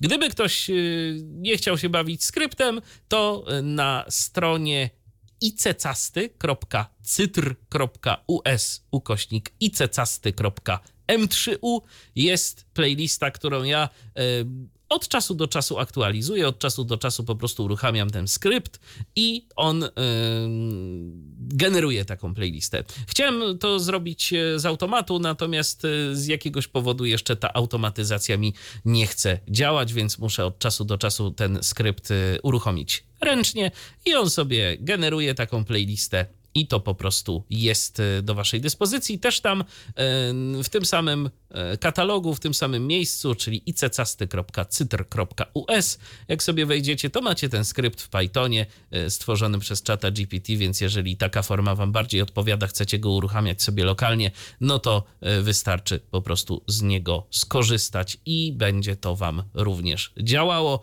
Ja już sobie parę razy przeglądałem tę playlistę, oczywiście wiadomo nie całą, bo to jest 12 tysięcy pozycji mniej więcej, czy tam 11 tysięcy pozycji. Jest tego naprawdę dużo, ale można od czasu do czasu coś sobie ciekawego wynaleźć. No i z racji tego, że e, to jest e, jakby dodawane do tego katalogu bardzo często automatycznie. Tam nie trzeba żadnej weryfikacji. Nie trzeba tej naszej stacji dodawać, e, tak jak do katalogu radio browsera, to istnieje większe prawdopodobieństwo, że znajdziemy tam różne takie bardziej interesujące y, eksperymenty, że tak powiem. Ktoś tam sobie coś testuje, ktoś y, mm, nawet nie do końca ma świadomość, że to, co nadaje, to jest dostępne w tym katalogu. E, no a zaznaczona była domyślnie opcja, że wysyłaj informacje o tym strumieniu do katalogu, więc jeżeli ktoś lubi takie smaczki, to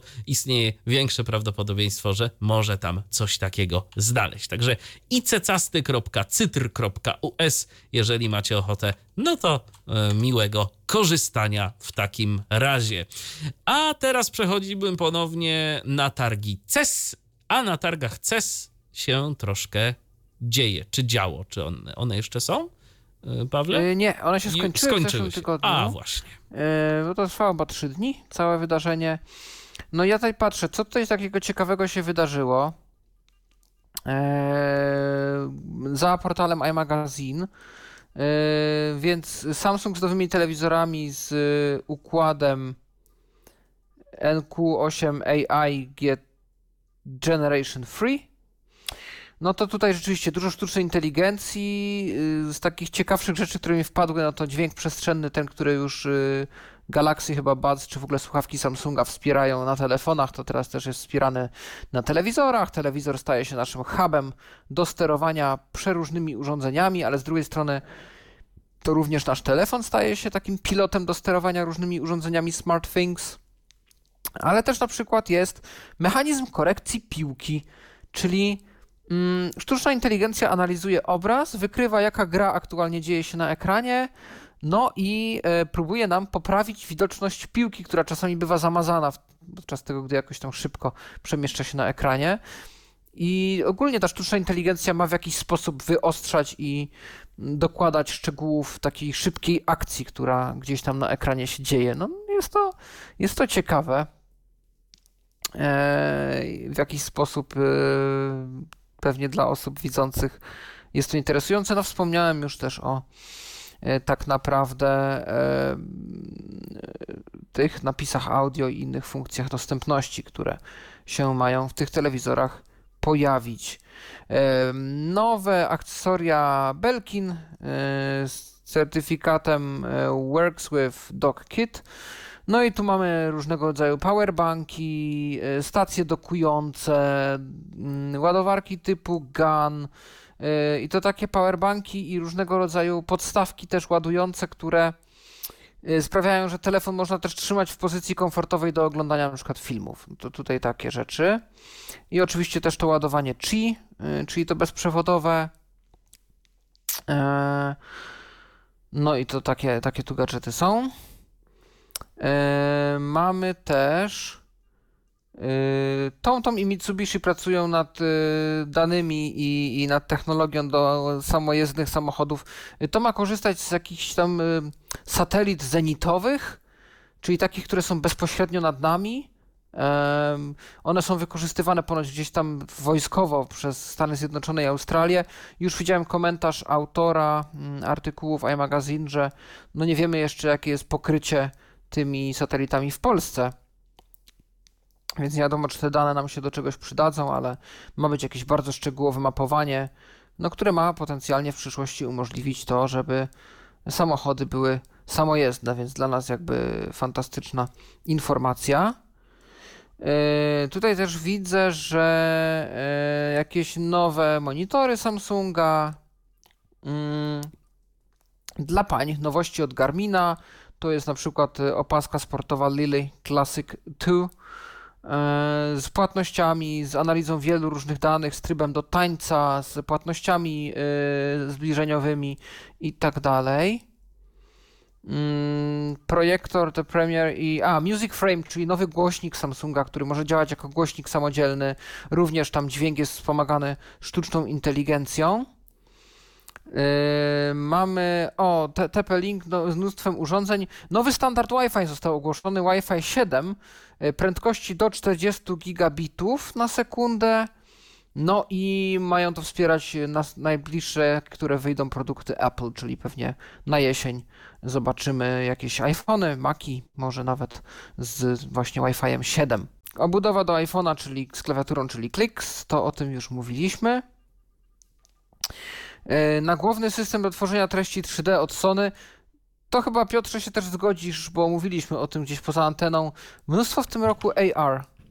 Mnóstwo AR i nawet jeden artykuł przeczytałem, ktoś się, się śmiał, że tak naprawdę to cało, to, to wszystko tak naprawdę jeśli chodzi o te headsety różne, wygrało Apple przez to, że tam nie byli.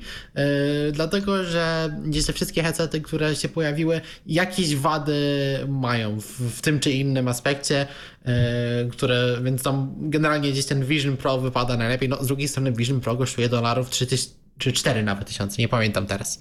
Mhm. No, no i na pewno te inne nie oferują aż takiej dostępności, więc myślę, że... No tak, to też. Apple wygrywa. Eee, Alienware. Tu będą nowe prawdopodobnie jakieś laptopy do gier. Eee, mamy też e, wizja Samsunga AI dla każdego. Zdaje się, że w najnowszych Samsungach flagowych jest już jakieś wbudowane generatywne AI, które nawet działa po polsku ponoć. Nie. I to się też mogę gdzieś do tego odnieść w sumie, bo też dzisiaj dosłownie od chyba o 18 czy tam o 19 była konferencja Samsung Unpacked, e, gdzie zostały zapowiedziane kolejne smartfony z serii Galaxy. Oczywiście tutaj jest już seria S24. E, one generalnie są bardzo podobne do 23. E, no, mamy najnowsze procesory, tutaj jest Snapdragon 8 Gen, Gen 3 przynajmniej w Stanach e, i w wersji S24 Ultra, w tych e, S24 i S24 Plus jest jakiś Exynos e, podrasowany w Europie. Mniej więcej to są te najnowsze chipy, które też już mają jakieś koprocesory do, do uczenia maszynowego i tak jak mówisz tam trochę tego AI jest. Głównie to są gdzieś rzeczy, które wcześniej się pojawiały na pikselach, bo mamy bardzo zaawansowany edytor zdjęć, E, ale też mamy takie rzeczy jak e, z tego co czytałem na przykład e, dyktafon, aplikacja dyktafonu może nam robić transkrypcję, no okej, okay, to jest takie normalne, ale też może nam od razu też podsumowanie zrobić, jakieś, jakieś po prostu punkciki z naszych notatek zrobić. Podobnie zresztą aplikacja taka zwykła do tekstowych notatek, tutaj też może nam to wszystko podsumowywać.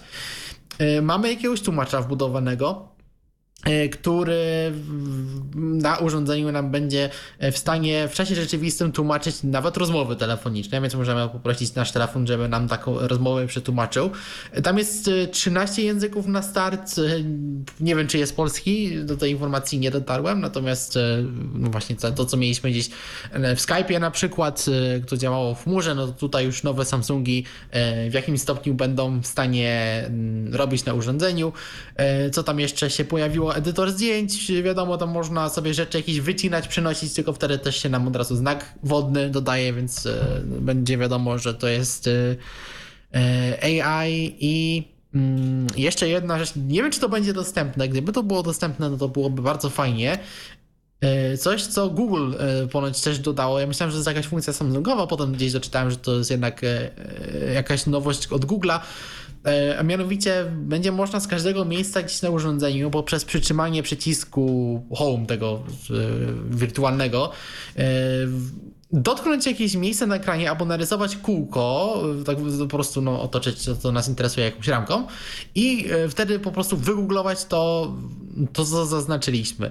No, gdyby przynajmniej z talkbackiem dało się jakiś obrazek w ten sposób podświetlić i na przykład poprosić jakiś opis czy coś w tym stylu, no to dla nas byłoby to fajne, natomiast nie wiem, czy to aż tak fajnie dostępne będzie niestety, no ale jeśli chodzi o to, co mm, tutaj nam Samsung zaoferował, no to właśnie tego typu nowości. E, jasne, no więc patrzymy dalej. Mm, Volkswagen integruje ChatGPT z obecnymi modelami, ok. Goodyear pokazuje i TNO pokazują bada wyniki badań, że ofiar wypadków drogowych może być jeszcze mniej. TomTom Orbis Map, nowy standard tworzenia map. No ciekawe też, czy to jakoś wpłynie na nasze nawigacje, na, na GPS. E, Boli, domowy robot Samsunga, co potrafi. A tu możemy w sumie nawet zajrzeć, bo to są właśnie te roboty, które potrafią mm, witać ludzi i tam jakoś się przemieszczać. Więc tak, y, Boli wita użytkowników inteligentnego domu i wykonuje szereg codziennych obowiązków, wyświetlając informacje o bieżących y, wydarzeniach i prognozie pogody. e, aktualnej. Ale co tak naprawdę potrafi? Samsung Electronics zaprezentował nową wersję Boli, domowego robota towarzyszącego wykorzystującego technologię AI podczas konferencji przed targami Consumer Electronics Show CES 2024. E, Boli został po raz pierwszy zaprezentowany podczas CES 2020 i od tego czasu przeszedł szereg udoskonaleń, obejmujących dodanie nowych zaawansowanych funkcji, które pomogą użytkownikom w inteligentnym zarządzaniu obowiązkami. Boli pełni rolę osobistego asystenta domowego, autonomicznie poruszając się po domu i wykonując rozmaite zadania. Łącząc się z innymi urządzeniami domowymi i zarządzając nimi, Boli może wspierać użytkowników w wielu sytuacjach, y, stale ucząc się wzorców, zachowań i zwyczajów domowników, aby zapewnić im bardziej inteligentne i lepiej spersonalizowane usługi. Boli dba o nasz komfort, przesyłając wideo aktualizacje dotyczące zwierząt domowych czy naszych bliskich na urządzenia użytkowników przebywających poza domem. E, ponadto Boli potrafi zadbać o odpowiedni nastrój przy każdej aktywności w domu, niezależnie od tego, czy użytkownik ćwiczy, pracuje czy wypoczywa wyświetlanie filmów z treningami na ścianie lub podłodze w optymalnym rozmiarze, odtwarzanie muzyki, odbieranie telefonów. Boli może sprawić, że codzienne życie stanie się bardziej produktywne i wygodniejsze. E, no i tu jeszcze mamy wideo, które prezentuje, co by było, gdyby Boli był w Twoim domu. No więc to jest tyle. Więc kolejne wcielenie robota, który już od 3 lat powstaje. Mm, Mercedes-Benz ogłasza wsparcie, yy, współpracę z Audible i Amazon Music. Ok. Yy, też od Hisense'a jakieś nowe telewizory. Yy, Alien, Alienware wprowadza akcesoria dla profesjonalne dla graczy. Yy, TP-Link prezentuje kompletny ekosystem yy, Smart Home serii Tapo i Amazfit Helio Ring, czyli też kolejny taki pierścień, opaska sportowa. Trochę tego jest, y, na pewno jest tego jeszcze więcej, bo no nie sposób zebrać w jednym serwisie absolutnie wszystko. Ja na przykład jeszcze trafiłem na wzmiankę, że jest nowa wersja mm, tych Galaxy tagów, czyli tagów jakby odpowiedzi Samsunga na AirTagi, która jest trochę tańsza, bo nawet dużo, bo kosztuje 30 dolarów za jednego AirTag, e, Galaxy Taga i ponoć tu Samsung już nam gwarantuje, że możemy nimi spokojnie śledzić zwierzęta. Tak jak Apple nam tego nie radzi robić, tak Samsung reklamuje, że, że można. Więc no, takie innowacje na przykład nas czekają. Wy coś jeszcze wyłapaliście ciekawego? Michał? Szczerze mówiąc, nie. Nie, też. Okej. Okay. No gdybyście wy coś wyłapali ciekawego, nasi słuchacze, to jak najbardziej zgłaszajcie, bo my zawsze chętnie o tym usłyszymy. Może akurat coś was zainteresowało, co no, my gdzieś tam instynktownie pominęliśmy. Tymczasem mamy telefon. Kto jest po drugiej stronie? Po raz trzeci. A, witaj, udała witaj. Się próba, udała się próba z Jonesem yy, przez Bluetootha tą, tą linijkę. I co musiałeś zrobić, żeby zadziałało? A y, musiałam y, przełączyć z, z USB na Bluetootha. Musiałem wejść te ustawienia Braille'a, y, pokus, ten normalnie pokus, Braille i, i, i ten adapter, ten port ten włączyć jeszcze. A wybrać ten odpowiedni port, COM, tak? Tak. Okej, okay. no to super, że się udało. Czyli teraz już ci wszystko działa. No będzie działać. Także dobrze za poradę. Dziękuję bardzo wam. Stara to naprawdę dobranoc. Dzięki Dobrej również. Nocy. Dobrej nocy. Pozdrawiamy Dobranoc. cię serdecznie. E, tymczasem, e, a propos Whispera, mamy komentarz od Roberta. Cześć, dopiero teraz mogę zareagować na pytanie Patryka o Whisperze X. E, aplikacja Exe jest, ale i tak trzeba zainstalować kilka rzeczy na bardziej zaawansowanym poziomie. Dla mniej obeznanych jest lepszy Whisper Faster, którego można pobrać z GitHuba i obsługiwać za pomocą komend. Kolega wysłał mi plik BAT z parametrami, w którym wiem co i jak zmieniać. Jeśli nie chcecie się wgłębiać w programowanie, a Whisper dla Windows, na Windowsa jest Wam potrzebny, potrzebny, to moim zdaniem to jest jedna z lepszych opcji, zwłaszcza, że może działać też bez karty graficznej Nvidia na procesorze. Tak Roberto napisał. Dzięki za ten komentarz. No i przechodzimy do ostatniej informacji, którą mam w notatkach, e, a dotyczy ona asystenta Google, który zwija się, zwija i od lutego się zwinie jeszcze bardziej, Piotrze, prawda? No niestety, no niby ma być jakaś transformacja, że ten asystent Google będzie jakoś bardzo oparty, może faktycznie tak będzie. Na razie co wiemy, że Google masowo zwalnia i między innymi zaczęło zwalniać ludzi odpowiedzialnych za asystenta. Tutaj wczoraj rozmawialiśmy, czy no tak, wczoraj jeszcze chyba to było. W, przy okazji Paulina mówiła, że jakieś gry w polskiej wersji asystenta przestały e, działać różne, ale to nie jedyna rzecz, która zaczęła znikać, dlatego że Google opublikowało post, e, tłumacząc się tym, że po prostu chcą się skupić na stabilności, żeby to usługa działała e, lepiej, że zostaną usunięte 17 funkcji e, z asystenta Google na wszystkich typach urządzeń, bo niektóre to są na głośniki, na telefony, na zegarki, na wyświetlacze smart, które są jak według ich mniej popularne, mało wykorzystywane. Nie wszystko z tego pewnie będzie dotyczyło nas, natomiast kilka takich rzeczy się znajdzie tutaj moim zdaniem no, które nawet mnie zaskoczyły nie będą dostępne.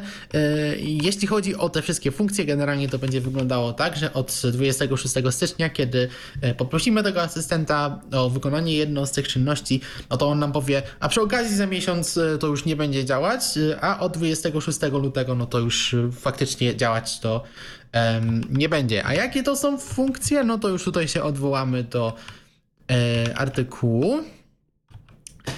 E, sterowanie e, audiobookami w sklepie Google Books. E, tutaj alternatywą na to jest po prostu funkcja Chromecasta, więc ręcznie sobie musimy z telefonu przesyłać na głośnik, jeśli chcemy z tego korzystać.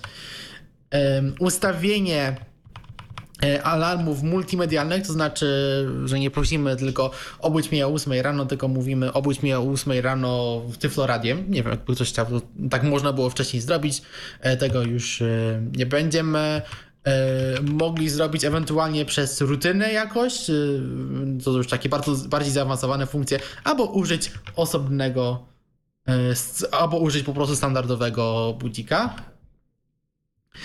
E, funkcje związane z przepisami, e, czyli pytanie, e, mogliśmy jakieś, mieliśmy własną książkę kucharską, gdzie mogliśmy jakieś przepisy zapisywać, nie wiem czy to w Polsce było, też jakieś przepisy wideo, wyświetlanie ich na wyświetlaczach to też będzie niedostępne. Alternatywa, dosłownie Google tutaj mówi, no sobie poszukajcie w Google czy na YouTubie, ok. No, mamy też teraz Cooked Wiki, więc też jakieś alternatywy są. E, funkcja stopera, e, też po prostu jej e, nie będzie, tylko minutniki zostaną. Nadanie wiadomości na urządzenie, które jest w naszej grupie rodzinnej, to mm, no właśnie, w grupie rodzinnej, czyli y, nawet jeśli te urządzenia są chyba w różnych domach, bo generalnie do urządzeń, y, które są w naszym domu nadawać cały czas jakoś możemy.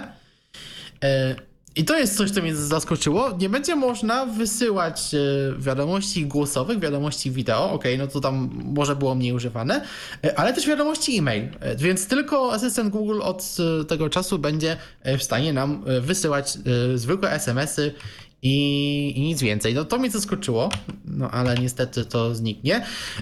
Tak samo jak zniknie e, e, przeplanowanie, edycja wydarzeń w kalendarzu, więc nie będziemy mogli e, poprosić, nie wiem, mieliśmy jakieś spotkanie zaplanowane powiedzmy, no i ono, jego termin się zmienił, nie, nie będziemy mogli po prostu poprosić asystenta, przełóż mi to na przyszły tydzień. Nowe wydarzenia będziemy mogli tworzyć, ale jeśli nam asystent coś e, utworzy źle, albo właśnie będziemy chcieli coś e, szybko zmienić, no to niestety będziemy musieli to zrobić ręcznie i to zresztą jest alternatywa proponowana przez, przez Google'a. E, zmiany w trybie kierowania, które to głównie informacje gdzieś dla kierowców. E, Ponoć mapy Google też mają funkcje głosowe, więc to akurat można jakoś zastąpić.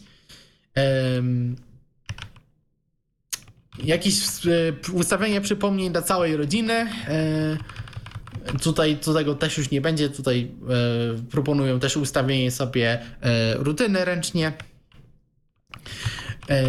Poprosić o medytację z usługą COM, to jest też takie właśnie radio, które oferuje gdzieś tam właśnie różną muzykę ele- relaksacyjną. Też nie wiem, czy to było w Polsce, no tutaj alternatywa też po prostu szukanie gdzieś po, na YouTubie, czy, czy w Google, czy w innych usługach. E, I tutaj też coś, co mnie zaskakuje. e, Sterowanie mm, treningami na, na opaskach Fitbit. Więc jeśli mamy opaskę Fitbit z asystentem Google i byśmy chcieli poprosić, żeby nam uruchomiło jakiś trening, bo na przykład biegniemy sobie gdzieś albo jedziemy na, na rowerze, e, no to będziemy musieli to zrobić ręcznie na urządzeniu. Na szczęście na zegarkach serii Pixel Watch, czyli no Wear OS, może to są nawet bardziej dla nas dostępne urządzenia, tam sterowanie treningami cały czas będzie. Wyświetlanie informacji o naszym ostatnim e, śnie, jak i statystyki o śnie e, nie będzie dostępne na wyświetlaczach z asystentem. No te wyświetlacze też ostatnio po prostu zaczęły się zwijać niestety. Mm, Połączenia, e, które wykonujemy z e, głośnika Google, nie będą miały identyfikatora dzwoniącego, natomiast to nas też nie dotyczy, bo akurat e, z głośnika bez sparowania z telefonem do tego w Stanach można dzwonić. E, Nie będzie nam wyświetlany czas e, dojazdu do pracy automatycznie e, na wyświetlaczach, więc to też może tak nie, nieistotne. Natomiast nie będziemy mogli szybciej zapytać asystenta o mm, nadchodzące jakieś podróże. Więc jeśli nam asystent coś, nie wiem, z poczty na przykład zeskanował, że mamy akurat jakieś bilety kupione, czy, czy takie informacje w tym stylu, no to też będziemy musieli sobie je em, ręcznie sprawdzić. E, Będziemy mogli pytać się o stan lotów, ale tutaj chyba też będziemy musieli konkretny numer lotu podawać sobie niestety. E, Nie będziemy też mogli, i to jest też trochę zaskakujące i to się w sumie czasami może przydawać, e, pytać o informacje o naszych kontaktach. Więc jeśli byśmy chcieli szybko poprosić, żeby nam podał jakiś numer telefonu któregoś naszego, naszych kontaktów, no nie będzie można. Będzie trzeba to e, robić ręcznie. Nie będzie też obsługiwane e, wykonywanie konkretnych e, czynności w różnych aplikacjach, więc jeśli jakaś aplikacja wspierała e, szybkie otwarcie ekranu do zrobienia rezerwacji w jakiejś restauracji, wysyłanie płatności komuś, e, wy, wy- wysłanie jakiegoś postu na media społecznościowe, e, to już nie będzie dostępne. Alternatywa, no możemy cały czas poprosić, żeby nam po prostu aplikację otworzył, ale nic poza tym. I jest jeszcze jedna zmiana do tego, jak zachowuje się przycisk mikrofonu w aplikacji Google, tej tradycyjnej, co dla niektórych może mm, gdzieś powodowało problemy, do tego to było zmienione. To też będzie miało wpływ na e, widget Google, e, jeśli jak mamy wyszukiwarkę Google jako widget na ekranie głównym w Androidzie, a mianowicie przycisk mikrofonu, który wcześniej działał bardziej jak asystent i mogliśmy na przykład sobie przez ten przycisk poprosić, żeby na jakieś światła wyłączył i tak dalej. On teraz stricte zawsze będzie wykonywał tylko zwykłe wyszuki- wyszukiwanie Google. Więc no właśnie, co za tym idzie, jeśli w ten sposób sobie sterowaliśmy domem albo prosiliśmy o jakieś inne rzeczy, one po prostu nie będzie działać. Jeśli chcemy takie rzeczy robić, to, to musimy wywołać stricte asystenta albo z aplikacji, albo e, dedykowanym skrótem. No także zobaczymy, czy w tych funkcji tylko będzie ubywać, czy faktycznie za jakiś czas ten asystent z- zostanie e, wzbogacony o jakieś nowości oparte o Barda, bo jak na razie to po prostu wygląda tak, jakby ta usługa zaczęła stawać się coraz bardziej uboga i, i trudno mi to przyznać, ale w niektórych kwestiach, no to Siri nawet wydaje się inteligentna, bo Siri cały czas jak najbardziej mogę poprosić o, nie wiem, wysłanie wiadomości przez pocztę albo żeby mi podała numer telefonu jakiejś osoby, a no, a z asystentem Google to już e, możliwe po prostu nie będzie. No, ciekawe, jakie będą jego dalsze losy. Czy za jakiś czas powędruje na cmentarzysko aplikacji Google, które to jest już całkiem rozległe, y, czy też jednak y, jakieś są inne plany. Też w tym roku Google Podcast y, ma być zlikwidowane. Ponoć coś tam już kombinują z tym, żeby to zintegrować z YouTube'em podcasty. Ja już nawet widzę zakładkę podcasty na niektórych kanałach. Tak, Nie wiem na tak. jakiej zasadzie to działa, to... ale że Ale te podcasty to niby może być jakaś wybrana playlista, e, jakoś tak to ma teoretycznie działać. A co z tego będzie, to no to się zobaczy tak naprawdę w przyszłości, bo yy, Google mam wrażenie, że na chwilę obecną to jeszcze nie ma do końca na to pomysłu, ale chyba ktoś już e, ustawił deadline na koniec aplikacji podcasty w tym roku i prawdopodobnie to się stanie. Yy, no chyba, że Chyba, że nie, chyba, że jednak uznają, że dobra, wstrzymujemy się z tymi ruchami. E, no i cóż, to jeżeli chodzi o nasze informacje planowane, to jest wszystko. Tradycyjne pytanie na koniec, czy jeszcze do Was w międzyczasie coś dotarło może? Czym byście się chcieli podzielić? Ja jedną rzecz dopisałem, którą miałem już dać do newsów, ale mi Aha. to umknęło. E, jest taki dodatek i do Chroma i do Firefoxa, który nazywa się Alternate Player for Twitch. I jeżeli macie jakichś ulubionych twórców i bardzo, bardzo dużo czasu spędzacie oglądając różne streamy na Twitchu, sam interfejs no, jest jaki jest. Tam ta wtyczka mogłaby być bardziej dostępna. On tam dodaje różne jakieś usprawnienia i do czatu, i jakieś do samego oglądania. Natomiast jest tam jedna opcja, która bardzo mi się podoba, czyli copy z broadcast e, link, czy tam broadcast ID. I to kopiuje nam do schowka link, który jest chyba postawiony na jakimś rodzaju bramki u danej osoby, która, mm, znaczy u osoby, która ten dodatek utrzymuje. Generuje się nam link bezpośredni do strumienia. I w tym momencie my możemy taki link wkleić do dowolnego odtwarzacza. Ja próbowałem już Fubara, Radioshura, e, jakiś podplayer i tak dalej i po prostu e, będzie nam to grało. Dopóki mamy otwartą kartę w przeglądarce, dopóty ten link będzie działał i będziemy mogli sobie w dowolnym odtwarzaczu tak naprawdę e, uruchomić ten stream z Twitcha, jako na przykład sam dźwięk, albo z możliwością kontrolowania tego takimi skrótami, jak lubimy, z takimi efektami, jak lubimy i tak dalej. No właśnie, tylko że to byłby stream, takie traktowanie trochę streama na Twitchu, jakby to było radio. No więc gdyby ktoś miał potrzebę z czegoś takiego skorzystać, to są do tego dodatki.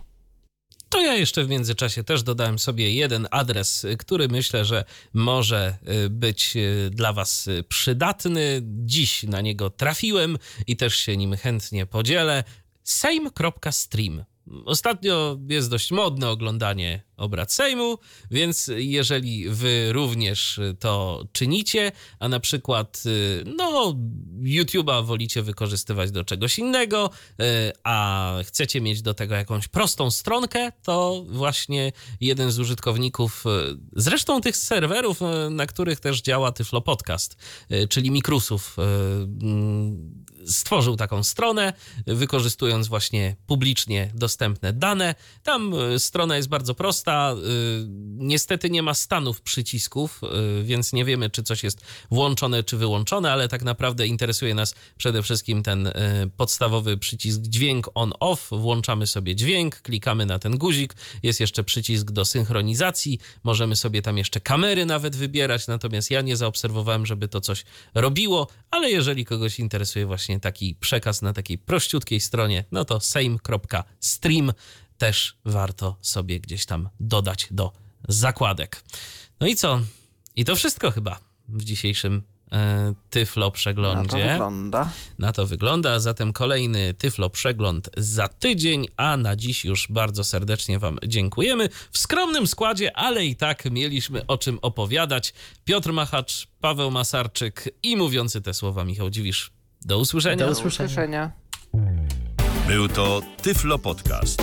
Pierwszy polski podcast dla niewidomych i słabowidzących. Program współfinansowany ze środków Państwowego Funduszu Rehabilitacji Osób Niepełnosprawnych.